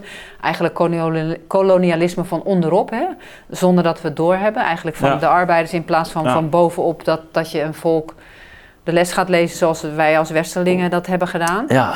En dan ja. krijg je dus dat Chinese waarde in onze, heel langzaam in onze nou haarvaten ja, komen. Zelfs, zelfs bij, bij um, uh, het uh, coronavirus zien we toch al een soort import van Chinese nou gewoonten. Ja, zeker, ja. Of, of die nou eenduidig positief zijn, is nog een tweede. Maar nou ja, we zien wel, we is zien heel, wel, heel, heel concreet, hè? Ja. Heel concreet. Want ja. ja. en dan is de mensen die daar dan iets van, van zeggen. Ja, ik, bedoel, ik vind het ook verschrikkelijk. En ik heb ook kritiek op China en, uh, en hoe ze daarmee omgaan. En dat de vrijheid van meningsuiting misschien ook wel uh, debet is aan uh, dit, dit hele, de verspreiding van het hele virus. Dus dan komt het ook heel erg dichtbij. Weet je, dat dat, ja, die Ja, want aan... ben, je, ben, je, ben je ook wel eens bang? In, in de zin van, uh, dat je denkt van, nou ja, wat gaat China doen in de regio? Wat, wat, wat wordt deze reus, wat voor stappen gaat hij nog uh, zetten? Natuurlijk, ja. Ja? ja ik, ik, kijk, als ik Kijk, mensen die... Keek jij op van, van uh, de, de, de, wisseling die onder Xi ook heeft plaatsgevonden? Was dat voor jou een verrassing? Of? Nou, niemand wist eigenlijk wie die Xi was. Want Ja. ik, heb die, ik heb nog naast hem gestaan. Ik heb trouwens ook nog een hand gegeven bij de koning. En dat vond ik ook zo heel Ja. apart. Dan stond ik voor Xi Jinping en zijn vrouw. En dan geef je een hand. En die hand was heel zacht. En hij is natuurlijk een beetje mollig en zo. En, Ja, weet je, en dan denk je van wauw, wat een, ontzettende, zachte, lieve man. uitstraling. Echt een zo voorkomend. En dat je echt denkt dat dat dan zo'n harde leider is. Weet je wel, dat, dat is natuurlijk ook hij als persoon eh, is de belichaming van het hele systeem. Maar eigenlijk, hij zal, hij zal over, waarschijnlijk van binnen als je hem van vraagt, weet ik niet of hij het met alles eens is. Maar het is natuurlijk, hij is boven komen drijven uit zo'n systeem. Daar kan je natuurlijk niet er tegen ingaan, weet je. Dat is natuurlijk van top-down. nou, maar hij geeft het toch ook een wending en, en uh, hij Ja, trekt macht naar zich toe. Natuurlijk, tuurlijk. Maar dat is natuurlijk eh, Ja. een hele systeem wat er omheen zit. Ja. Dat is niet alleen nee, hij. zeker. Hij komt niet, hij Maar komt wat, niet wat dat hij zeg maar nee. voor het leven gekozen kon worden, dat was wel echt een verrassing voor mij. Dat Ja. vond ik echt eh, verbijsterend eigenlijk. Maar ook eh het hele corruptie aanpakken, wat dan natuurlijk begon met Borselai, weet je, de Ja. burgemeester van Chongqing. Ja, En die dan eh, werd, omdat hij ook natuurlijk nou nog steeds een tegenstander was van, ja, van, van die vaders die rivalen waren tijdens de culturele revolutie, dat dat nog steeds doorspeelt. Weet je, dan, om het te zeggen over hoe de geschiedenis nog altijd maar door blijft gaan. Nou, dat is in China natuurlijk zeker zo. ja want uh, ze hebben een, uh, een goed geheugen. Ja, dan kijk, bij ons is het natuurlijk honderd jaar heel erg lang, maar in China is het natuurlijk nog gewoon Ja. een speldenknopje. En uh, om over tijd te hebben, Ja. ze denken gewoon anders in tijd. Dat, en dat is ook iets waar die waarde, ehm, waar wij aan moeten wennen. Eh, We hadden ook over de telefoon een gesprek over tafeltennis, over Ja. hoe het historisch besef hier weggaat. En niet dat elke Chinees de geschiedenis allemaal tot eh, in de puntjes kent of zo, maar de pijnpunten wel. Hè, zoals de Japanners die eh de Nou, kijk, wij hebben er natuurlijk ook echt voor gekozen in de jaren 60, omdat uh, eigenlijk uh, dat, dat hele nationalisme wat, wat we in de 20e eeuw en 19e eeuw hadden gecultiveerd, om dat natuurlijk uh, overboord te gooien. Ik bedoel, ik, ik ben echt wel opgegroeid. En, jij in een katholieke school, ik in protestants-christelijke school. Nou, dan kreeg je toch wel een behoorlijke dosis vaderlandse geschiedenis. Hè? Dus uh, zeker bij de protestanten. We hebben de, de godsdienstoorlog en alles wat, daar, wat daarbij hoorde. De, de, de, de beeldenstorm, nou, die heb jij misschien vanuit een andere kant uh, beleefd. En maar, maar dat is natuurlijk wel een, zeg maar een, een, een verhaal wat, wat je nou ja, met een traditie verbindt. En tegelijkertijd misschien toch ook een, zekere richting geven voor de toekomst. Vergelijk ik dat met wat, wat mijn eigen kinderen daarover kregen, ja, dan is dat veel en veel minder. En dan heb ik het niet eens over uh, alleen maar de, de, de, de, feitelijke leerstof, maar ook gewoon welke liedjes je leert. En, uh, weet je wel? Dus, dus gewoon de, ja, als je het hebt over, over inslijten, wat er gewoon inslijt doordat je het dagelijks oefent en, Ja. en hoort. En, en, en dat is natuurlijk toch een soort van cultureel jargon of een bagage. Uh, ik denk dat, dat, dat, dat, dat je daar op een bepaalde manier, en dat zal in China zeker zo zijn, natuurlijk ook, ook wel een, soort rust door vindt. Je? Je, je weet iets van jezelf, zeg maar. Je, je hebt van waar je vandaan komt en je hebt een bewustzijn. En, en ik denk dat wij heel veel wat dat betreft overboord hebben gegooid. En, en dat is eigenlijk allemaal niet goed. En je ziet, je ziet het nu natuurlijk ook met heel de decolonisatie. Eigenlijk allemaal slecht en de helden Ja. zijn slecht. En het is Dat allemaal slecht dat, wat we dat, gedaan dat, hebben. dat doet China niet. Die, Nee. dat zelfkritiek in die, wel heel veel zelfkritiek, maar niet in, in dat opzicht. Nee, eerder Eh, dat ze hebben liggen slapen of zo, Ja, toch? precies. Inderdaad, dat ze zeggen dit gaat nooit meer gebeuren. Nee. Dat is natuurlijk zeg maar de hele opzet van nou, dit, dit laten wij nooit meer gebeuren. Niet zozeer voor de wereld overheersen, maar dat, dat wat gebeurd is door zwakte en door, door, ja, door corruptie en door verzwakking van het systeem. En, eh, Wat, wat denk ik in Eh, Israël, als een land als Israël natuurlijk ook zit, heel sterk. Van dit laten we nooit meer gebeuren, holocaust, dat is dit. En dat, ja, maar ook wel vanuit het trauma. Hè? Ja, nee, vanuit het eh, trauma. Ja, ja. En, en het eh, vervelende in China is, of het enge in China is, dat eh, ja, de, de Israëli's kunnen erover praten. En die doen dat ook veelvuldig en die herdenken het ook. Maar de grote zware pijnpunten in China, zoals de, nou ja, eh, heel veel dingen die gebeurd zijn, Ja, daar, maar- daar mag niet de- over worden nee, want de culturele revolutie is natuurlijk. Nou, daar mag wel een beetje, maar liever niet te veel. En over Ja. Tiananmen bijvoorbeeld, of Ja, whatever. Dat, dat, ja, daar gaan we niet eh, eens even discussies op eh, praatgroepjes of therapiegroepjes over houden. Sowieso is eh, zeg maar naar de psycholoog gaan nog helemaal in de kinderschoenen. Er zijn heel veel eh Nederlandse of nou ja, westerse psychologen die, die zouden goed werk kunnen verrichten. Hè? Zoals op- in dit boek bijvoorbeeld de, ja. eh, s- de, de bekende sa- eh, seksuologe Sandrijn van der Doef, die ik ook gesproken Mhm. heb, die doet heel, heel veel werk op het gebied van gender. En ook eh, zeg maar contact tussen de seksen en zo, omdat dat allemaal nog in de kinderschoenen staat. Er maar zijn, is het, eh, want, want, bedoel, eh, enerzijds denk je bij, bij de Chinese geschiedenis, bijvoorbeeld als je het hebt over die gender, die yin-yang, heel die lichamelijkheid. eh, ook ook eh, als je, wat je zo even schetste hè, rond, eh, rond die martiale sporten. Dat is eigenlijk heel soort van ja, mensen die wel geaard zijn. Tegelijkertijd kennelijk extreme spanningen. Heeft dat ook te maken toch met de culturele revolutie, met die eeuw waarin ook heel veel van die... Of is dit een hele lange geschiedenis van, van, van vervreemding? Ook waar het gaat om bijvoorbeeld die man-vrouw verhouding. Nou, de man-vrouw verhouding, ja, dat is natuurlijk een hele geschiedenis. Dat heb ik beschreven, Ja. van, ja, globaal natuurlijk, eh, hoe zich dat ontwikkeld heeft. Maar het is natuurlijk wel zo dat Chinezen veel lichamelijker, lichamelijker ingesteld zijn dan wij. Ja, En dan zit een soort Confucianistische preutsheid overheen voor de buitenwereld. Maar als je in China bent en je komt daar in de maatschappij, dan zie je ongelooflijk hoe heel veel vreemd wordt gegaan. Ik bedoel, het is uithuwelijking of koppelen. Nou, oké, doen, we, doen we, gaan we een kind krijgen en nu mag je er inmiddels drie. Nou, dan hebben we ons werk gedaan en nu gaan we echt kijken wat we willen. En dat, dat, ja, daar wordt gewoon over gezwegen en dat wordt gewoon gedaan. En denk je dat je daar, dat dat, eh, ik bedoel, gaan we oké, nou eens kijken, zeg maar. dubbellevens. Dus, ja, ja de- aan, de ene Of- kant, aan de ene kant preus, maar met name de oudere generatie die ook nog de culturele revolutie hebben doorgemaakt. Ja, eh, die, eh, bijvoorbeeld dat ik zeg maar zo iemand die handelde in seksspeeltjes, die, die ging dat dan naar de moeder. Nou, dat was dan een hele revolutie, weet je wel. Natuurlijk, en dat is bij ons ook wel zo. En er zijn natuurlijk ook wel overeenkomsten met een generatiekloof in China en het Westen.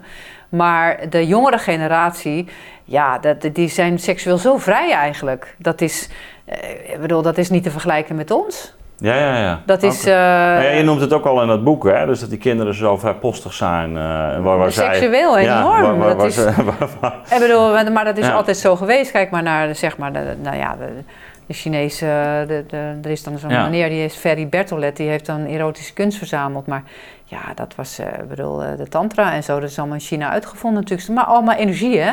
Ja. Ik bedoel, in de Qigong en eh, in de, in de Ja, en zo, is Ja. de, alles gaat uit van de seksuele Nee, maar omdat je zegt van, kijk, ook, ook over die seksuoloog, maar dat, dat, er is dus kennelijk, het is allemaal heel dubbel, want ze hebben dus wel zo'n Absoluut. traditie. Absoluut. Maar met de man-vrouw verhoudingen is het met name zo. Kijk, je kan met iemand zeg maar gewoon, eh, je kan vrij, eh, vreemd gaan of zo. Mhm. Of je kan met iemand, en dat gebeurt ook veelvuldig, ook bij de jonge mensen. Ja, weet je, er is ontzettend veel aan de hand. Ook heel erg veel zwangerschappen onder jonge meisjes die abortussen eh, voor het huwelijk. Sommige, ja, de meeste meisjes hebben de vier, vijf. En niemand neemt de pil en zo. En dus is allemaal niet geregeld. Dus ja, dan ga je abortus laten plegen en dan gebeurt dat nog een paar keer. Weet je wel, dus dat is allemaal heel normaal. En dat, ah ja, daar stap je gewoon overheen als vrouw. Hè? En ehm, ja, dus wat wou ik eigenlijk nou zeggen? Waar wou ik heen? Even de draad kwijt.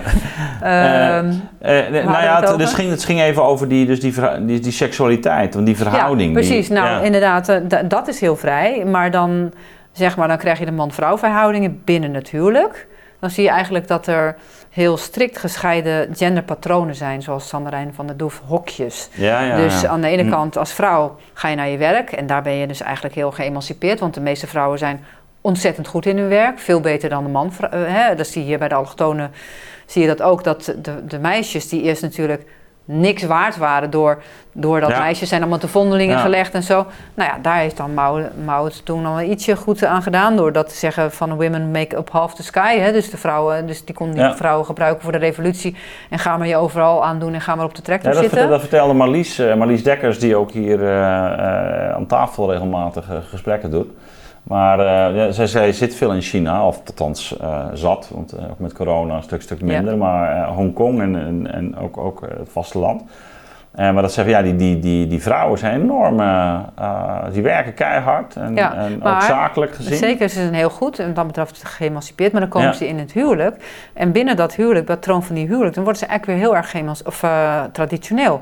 En dat wil zeggen, de man die zorgt voor, oké, ze, ze kan wel geld verdienen, maar binnen, binnen de, de Ja, rol ja. binnen het huis is de vrouw dan, nou je kookt het eten, je brengt de pantoffels en ook tussen de lakens ga je niet opeisen wat jij nou wil. En als er ruzie komt, dan is het vanzelfsprekend dat de vrouw daar de schuld van is. Daar ga je toch niet over praten. Dus vandaar dat ik zei ja, van, ja, ja, zeg ja, maar, die ja, ja, ja. relatietherapie Ja, dus, ja, ja, ja, begrijp het. En dan krijg je natuurlijk ook al, allerlei la- problemen die zich eventueel ook seksueel manifesteren, maar eh, die eigenlijk voortkomen uit, uit, uit die verknipte Ja. Ja, eh, ja, familiestructuur, die eigenlijk niet meer correspondeert met dat moderne leven. precies. Ja. Ja. Dan krijg je dus echt eh hele... En daar zijn ze nog niet uit. Nee, daar zijn ze nog mee bezig. En er zijn ontzettend veel jonge mensen die daar...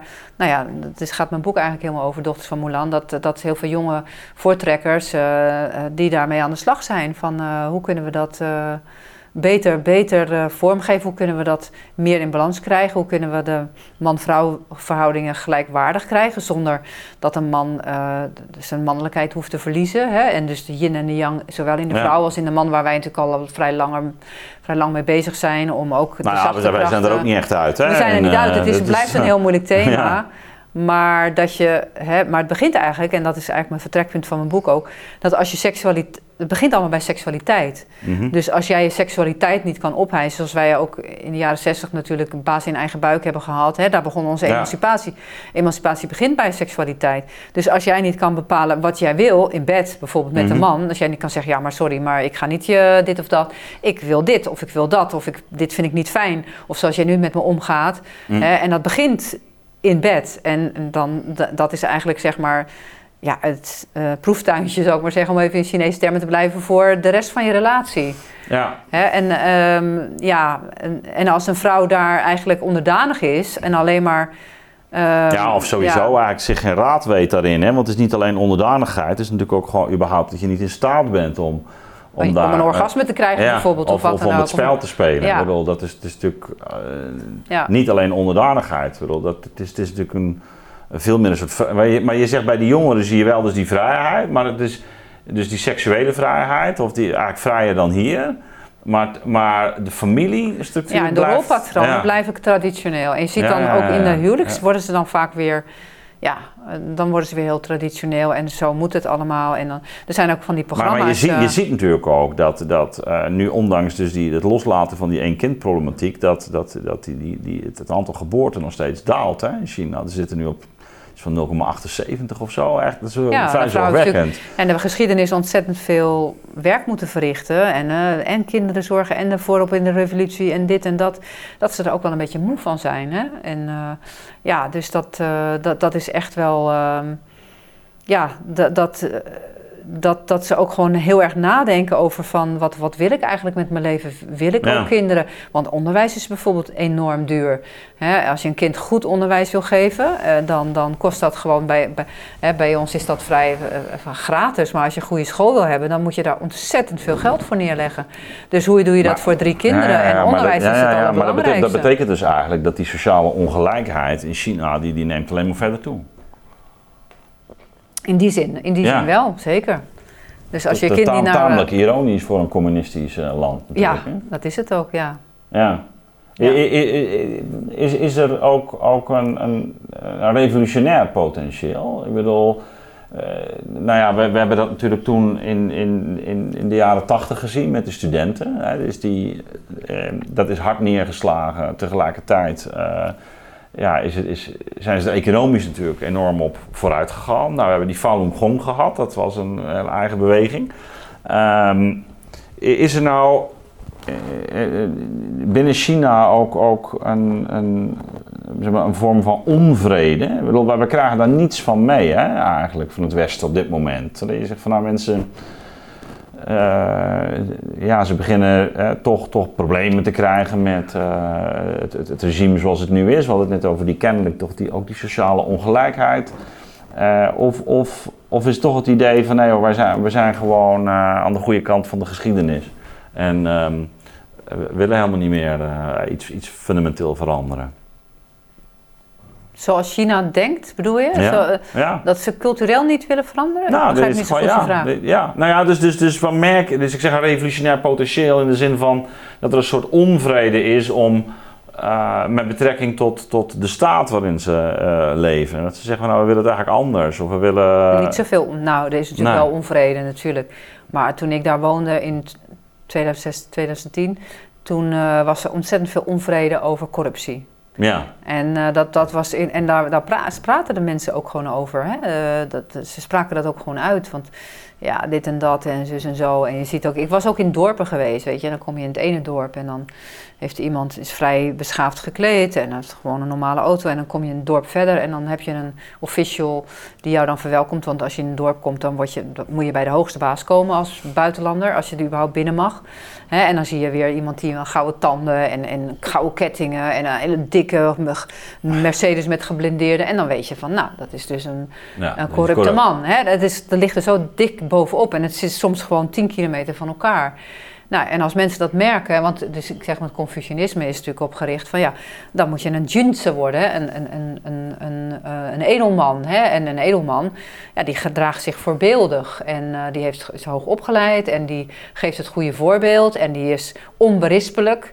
En zodra je jezelf verrijkt ten koste van het volk, uh, ja, dan, uh, dan word je niet meer geaccepteerd. Hè? En dat is eigenlijk het uitgangspunt van, van de Chinese cultuur. Maar dat, dat was dus een bron van onvrede. Ja, dat was, en dat heeft Xi Jinping natuurlijk gewoon heel erg aangepakt. Die zei van die dus daar zijn ze wel weer tevreden over. Daar zijn de Chinezen eigenlijk best wel heel tevreden over. En, en hoe kijken ze dan bijvoorbeeld naar Hongkong? Ook wel weer bang, hè? want voor je het weet word je zelf voor om een of andere reden die niet deugt, ook zelf voor corruptie aangeklaagd. Dus de mensen lopen heel erg, die zijn ook angstvallig van, oh jee, als ik nou een duur etentje betaal, dan word ik ook misschien voor corruptie uh,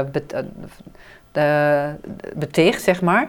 Um, dus dus dat, dat is wel waar ze, waar ze positief over zijn. Maar um, ja, dat, dat, ze bijvoorbeeld die, hè, dat er zoveel controle is, ik weet niet of de Chinezen, dat vinden ze de Chinezen niet zo fijn hoor.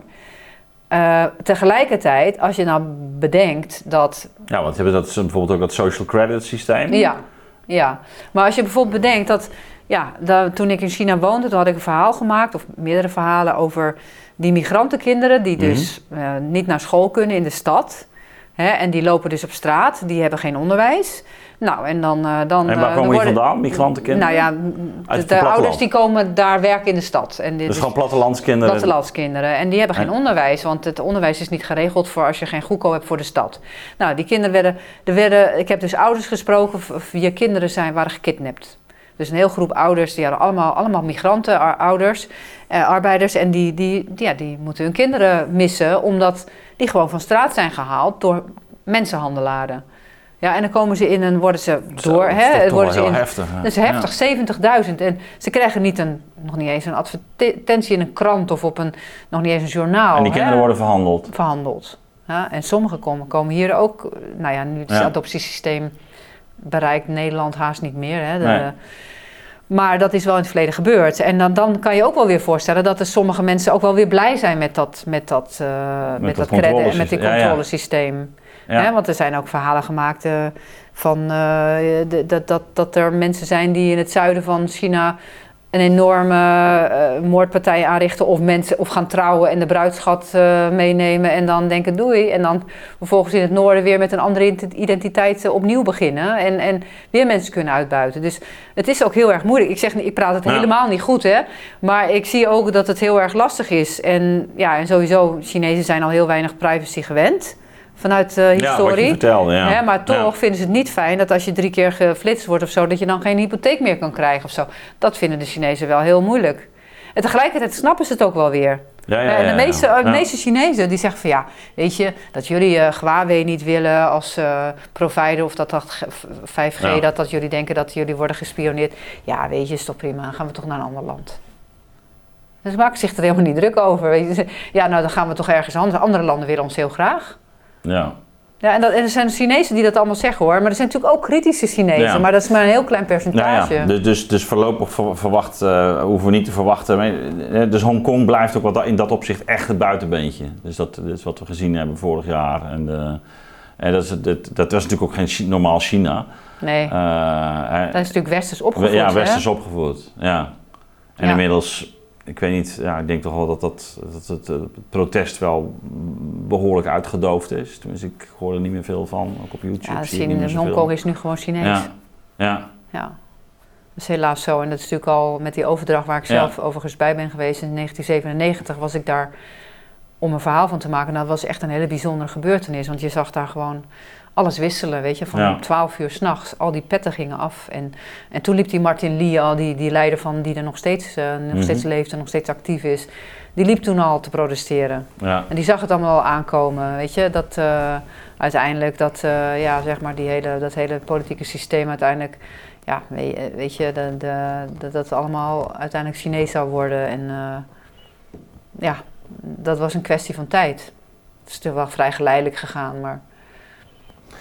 Ja. Dat er zeg maar allemaal mensen gekozen worden die, eh, die eh, uiteindelijk toch China gez- gezind zijn. En dat nu is China zo met de invloed in Hongkong aanwezig dat je ook niet meer kan spreken van eh, één land, twee systemen. Dat, dat, Ja, er, is, er is, nee, precies. Er is natuurlijk nu de laatste jaren, eh, met name denk ik al sinds vorig jaar toch, maar rond de Oeigoeren is er veel te doen geweest natuurlijk. Hè. Dus die, die, eh, nou eh, wil ik niet in de details daarvan treden, want dat, dat is weer eigenlijk een heel apart onderwerp. Ik vroeg je net, van, ben jij wel eens bang hè, voor, voor, voor China? Of we hebben net eigenlijk beschreven hoe, wa- wat hen zo groot maakt op het gebied van, van, van tafeltennis. Hè? En, en, eh, je kan je ook voorstellen dat dat, dat, dat eh, ehm, in, in een ongelukkige eh, uitingsvorm ook een, een, een, een- de kracht is waarmee je ook heel hard kunt zijn. Of waarmee je misschien ook, ook behoorlijk repressief kan, Ja. kan zijn.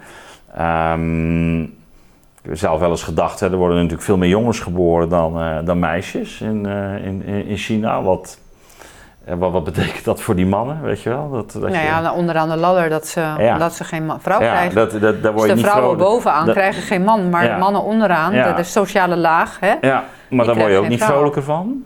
Nee, dan ga je op zoek naar eh, sekspoppen of eh, je gaat iemand, eh wordt al heel veel gehandeld met de Noord-Koreaanse grens in Thailand en eh, Ja. er, worden veel, er is veel vrouwenhandel ook, ja. Maar het kan ook agressie in de hand eh, wer- werken, eh, frustraties die je botviert op allerlei die zijn er ook elke dag in China.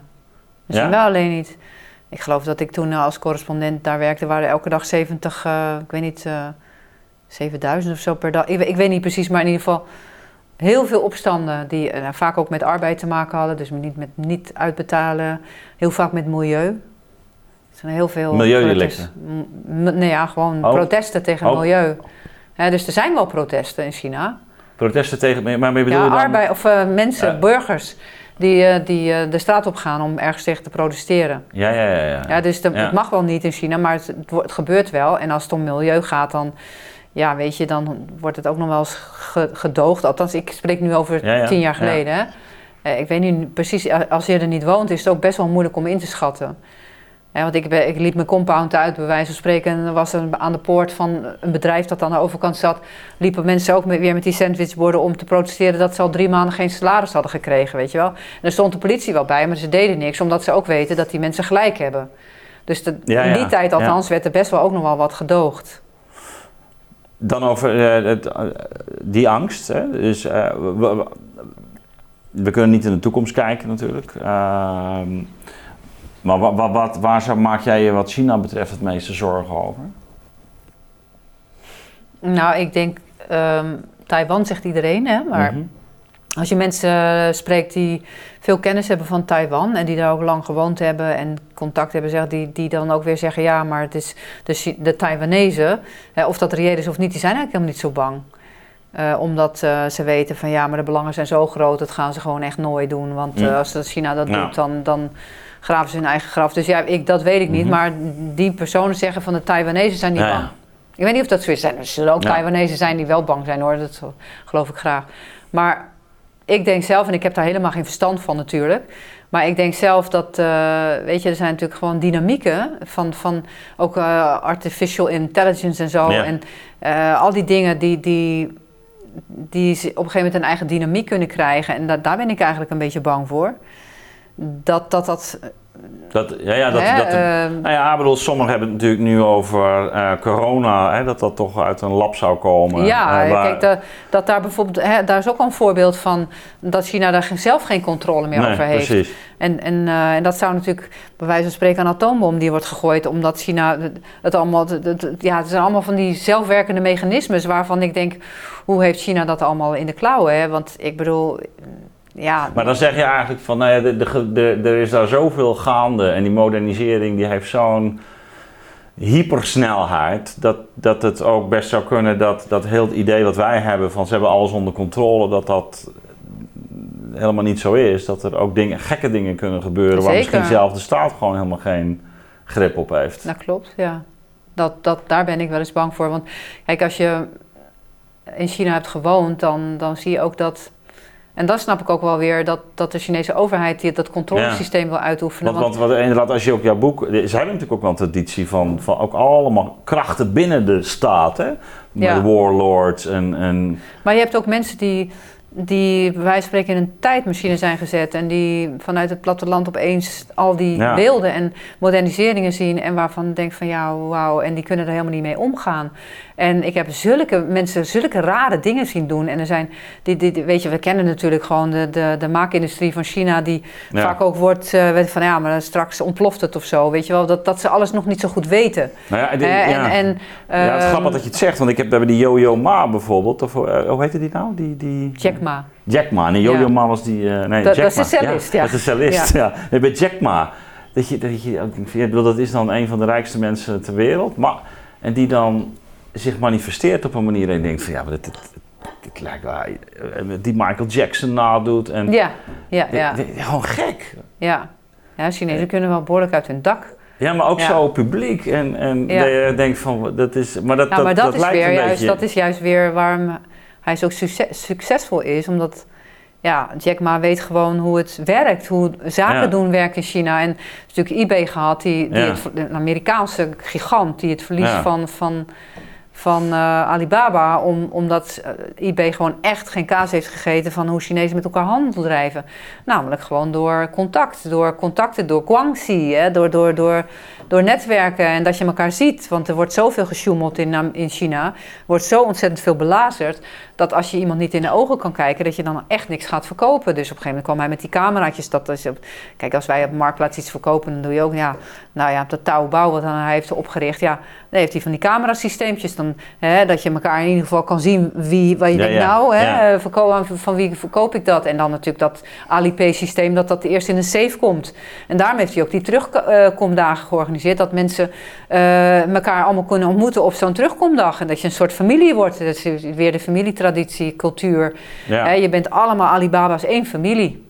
En, en ja, maar ja, goed, ik kan hem ook als een soort voorbeeld van iemand die dan toch ook ja, dus die, dit, is een hele gewone man. Hè? Helemaal niet uit een rijke familie of zo. Die, die werkt zich helemaal op. Toch een beetje bijna het Amerikaanse verhaal. Ja. En tegelijkertijd uh, heeft hij ook iets heel geks of zo. Iets voor ons dan, hè? Ja, ja, ja. En, en een groot fan van kung fu verhalen. Daar heeft hij al zijn inspiratie uit gehaald. Ja. En ook, ook hoe de energie werkt en zo weer. Weet je, dat is, dat is uh, hoe... Uh, nou ja, weet je, als je de Tao Te Ching leest... Ik heb hem toevallig net ja. weer afgeluisterd. En dat is nou ja, ik zou het doen, luisterboek Dao De Jing, dan, dan is het gewoon, alles wordt zo gereduceerd tot de eenvoud. Want wij zijn zo doorontwikkeld en zo technologisch en bla bla bla, dat we eigenlijk vergeten dat, dat in die hele eenvoudige levenswijsheid, dat daar gewoon zoveel in zit. En nou, dat heeft hij allemaal tot zich genomen. Dus hij heeft zeg maar het ingewikkelde maakt hij weer eenvoudig. En dat is ook, vind ik, heel Chinees. En dat heb ik ook eh, ervaren in de Chinese staaftennistrainingen. Ik, dat zijn ik in het begin van ons gesprek gezegd hoe eenvoudig die mensen trainen. He, want in de, in de eenvoud, daar, zit, daar, zit, eh, daar, daar kan je de, de, zeg maar de, de essentie in vinden. Want wij, wij maken het vaak veel te ingewikkeld en je wordt eigenlijk nooit ergens goed in. He? Dus, dus maar als je die eenvoudige oefeningen elke dag inslijt en je, je kan dat, nou, dan, dan door de eenvoud te, te benaderen, kan je de complexiteit aan. En dat is eigenlijk heel Chinees. En dat, dat heeft Jack Ma ook weer gedaan. Die, die gaat gewoon heel erg terug naar, naar die eenvoud van hoe, hoe werkt het eigenlijk. En nou, als je Chinese denken uh, wel goed wil doorgronden, nou, dan is het natuurlijk de gesprekken, maar ook de Tao Te Ching. Ik vind het fantastisch. Ja, ik, uh, ik kan het elke keer weer opnieuw en elke keer leer ik ook weer nieuwe dingen. Weet je, van oh ja, dat is het. Het is eigenlijk allemaal paradoxaal, allemaal omkeerbaar. En uh, het, is, het is net niet wat het is en niks is wat het lijkt. En ja, ik vind dat heel bijzonder. Ja, het was even ook naar aanleiding van, uh, van mijn uh, vraag van waar ben je bang voor hè, rond, rond China. Ik, ik gaf nou ja, dat voorbeeld van Jack Ma, van een soort, niet, niet maar die is natuurlijk wel toch teruggefloten nu door de Chinese overheid. Die proberen toch grip te krijgen op wat hij aan het doen is. Um, dat, nou, dat is vrij evident. Maar jij zegt, ja, er gebeurt eigenlijk in China zoveel dat misschien het grootste risico nog wel is uh, de, dat er iemand die met die gekte en briljantie iets, iets doet. Uh, waar, waar, wij helemaal niet op gerekend, waar zelfs de overheid niet op gerekend ja, heeft. Ja, dat, uh, die eigen dynamiek, dat, dat is, want ik, ik kan het niet omschrijven en ik heb er ook geen verstand nee, nee, van, nee. maar dat het zich overneemt of zo. Dat, dat, ja, dat is zo'n groot land en, en zoveel dingen die spelen, dat, nou ja, hetzelfde met corona. Ja, weet je, het, is, het heeft de hele wereld lam gelegd. Ja. En dat is nog maar één voorbeeld. Ja, ja en, het begint er nu weer toch wel op te lijken dat het, het zou best gebeurd kunnen zijn ja, op dat lab. Ja, hè? ja, en, ja, precies. En, en, ja, misschien heeft de Chinese overheid er ook eh, totaal geen zicht op gehad wat er allemaal gebeurde. Maar dat er iemand, precies, ja, dat mensen toch ja. daar aan het sleutelen zijn. Ja, maar, maar ook uh, als je kijkt naar uh, nou ja, hoe er met dieren omgegaan wordt. Of uh, dat, dat uiteindelijk, weet je, dat die 1,3 miljard mensen, die kun je niet beteugelen. En vandaar, nogmaals, dat systeem van controle, dat, dat hebben ze niet voor niks bedacht, weet je. Want die mensen die, en het melkschandaal bijvoorbeeld, noem maar even iets. Ja. Dat, sommige, dat was al bij Pearl Buck. Die man die, Ja. die dan zeg maar komt, de koe komt melken en die doet een slangetje in zijn ding. En die doet het, in dat slangetje zit water en daardoor heeft hij meer melk en verkoopt hij meer melk. Weet je, de Chinezen zijn natuurlijk heel slim. En het, het, tegelijk is Ja. slinks, kan je zeggen. ja, weet je. slinks Dus- en kunnen ook bedriegen. ja, ze En, kunnen eh, ontzettend bedriegen. Dat is natuurlijk onderdeel van de cultuur. En dat is. Ja. gezichtsverlies is veel belangrijker. Wetten, eh, die zijn, hè, dat, ja, Ja. Het, dat is ook maar heel beperkt. Ja, Hè, eh, mensen die doen alles wat eigenlijk wel goed of fout, het, de, de, de zondeval, dat hebben zij helemaal niet gekend. Wat is nou goed, wat is nou fout? Het is yin en yang. In dat goede zit al het... ja, dat dus is misschien wat ook dat wel onze vergissing. Hè? Denken we al afspraken maken, dan worden wetten. En, eh, maar jullie houden er. Ja, maar als je al een hele andere verhouding tot de wet hebt, Ja, ja, dan, dan, Dus zeg maar, hun perspectief dan gebeurt is dus iets anders wanneer ze een wet tekenen. ja.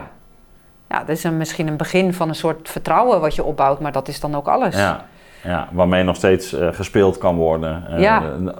afhankelijk van hoe het vandaag uitvalt Ja, op de korte maar als, termijn. het, eh, als jij dat doet en het is goed voor je familie, ja. dan is het alsnog niet fout. Want het is je familie wel die ervan profiteert. Dus er zijn natuurlijk er is ontzettend veel dubbele moraal in China. Ja. We zijn langzaam aan het eh, einde aan het komen. Eh, ik begon met eh, de, de vraag van wat, wat betekent de tafeltennis voor jou? Ehm, nou, ik, ik weet niet of dat, dat helemaal duidelijk is geworden. Hè? Maar we hebben in ieder geval heel veel kanten ge- geraakt. Ik zou bij- bijna de, de vervolgvraag willen zeggen, wat, wat betekent China voor jou? Het is wel duidelijk dat je er enorm mee bezig bent. Ja. tot op de dag van vandaag. Nou ja, ik, eh, ik, ik eh, verdiep me erin en eh, ik schrijf erover. En ja, wat ik dan wel soms merk is dat ik, ja, gewoon omdat ik geen sinoloog ben, uiteindelijk afgestudeerd, dat sommige mensen, en ook de taal niet helemaal spreek, daar kijken sommige mensen op een bepaalde manier naar mezelf. Dat is niet, dat is niet abnormaal. Ik kijk ook zelf dat ik denk van, jammer dat ik dat niet heb. Dat ik dat niet in mijn pocket heb. En dat vind ik nog altijd heel... Ja, ik zou, ik zou bij wijze van spreken nog mijn studie willen afmaken. Eh, maar ja, weet je, ik heb ook maar één leven. Ja. Eh, dus, maar ik doe het met mijn boeken en ik doe het Ja. met mijn interesse. En ik doe het met heel veel lezen. Als er maar één boek uitkomt over China, een nieuw boek, dan heb ik het alweer gelezen. Dus dan, ik, ja, en eh, dat is wat ik doe. Dus ik doe het met mijn eigen interesse vanuit mezelf. En, eh, en voor wie het wil horen. Ja, En ik hoop dat er heel veel luisteraars zijn geweest die mijn visie erop willen horen. En als ze het niet interessant vinden, is ook prima. ja. Ik doe wat ik kan. En, ja, nou, eh, ik, ja. ik vond het in ieder geval eh, heel eh, fijn dat je er was. En mooi ook om op, op, op toch een vrij unieke manier met jou eh, kennis en ervaring ja, kennis te maken eigenlijk. En dat is niet, niet puur academisch, maar dat is door het, het soort nou ja, wijsheid die uit, eh, uit, uit het leven zelf eh, opkomt. En, eh, dus dat, dat vind ik mooi om... Ja, vanuit de bron, denk ja. ik. En ook tafeltennis is...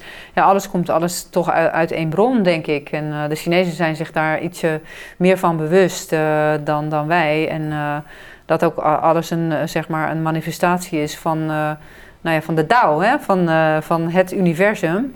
En wat steeds in verandering is. En hoe wij daar dan de hele tijd op in moeten spelen.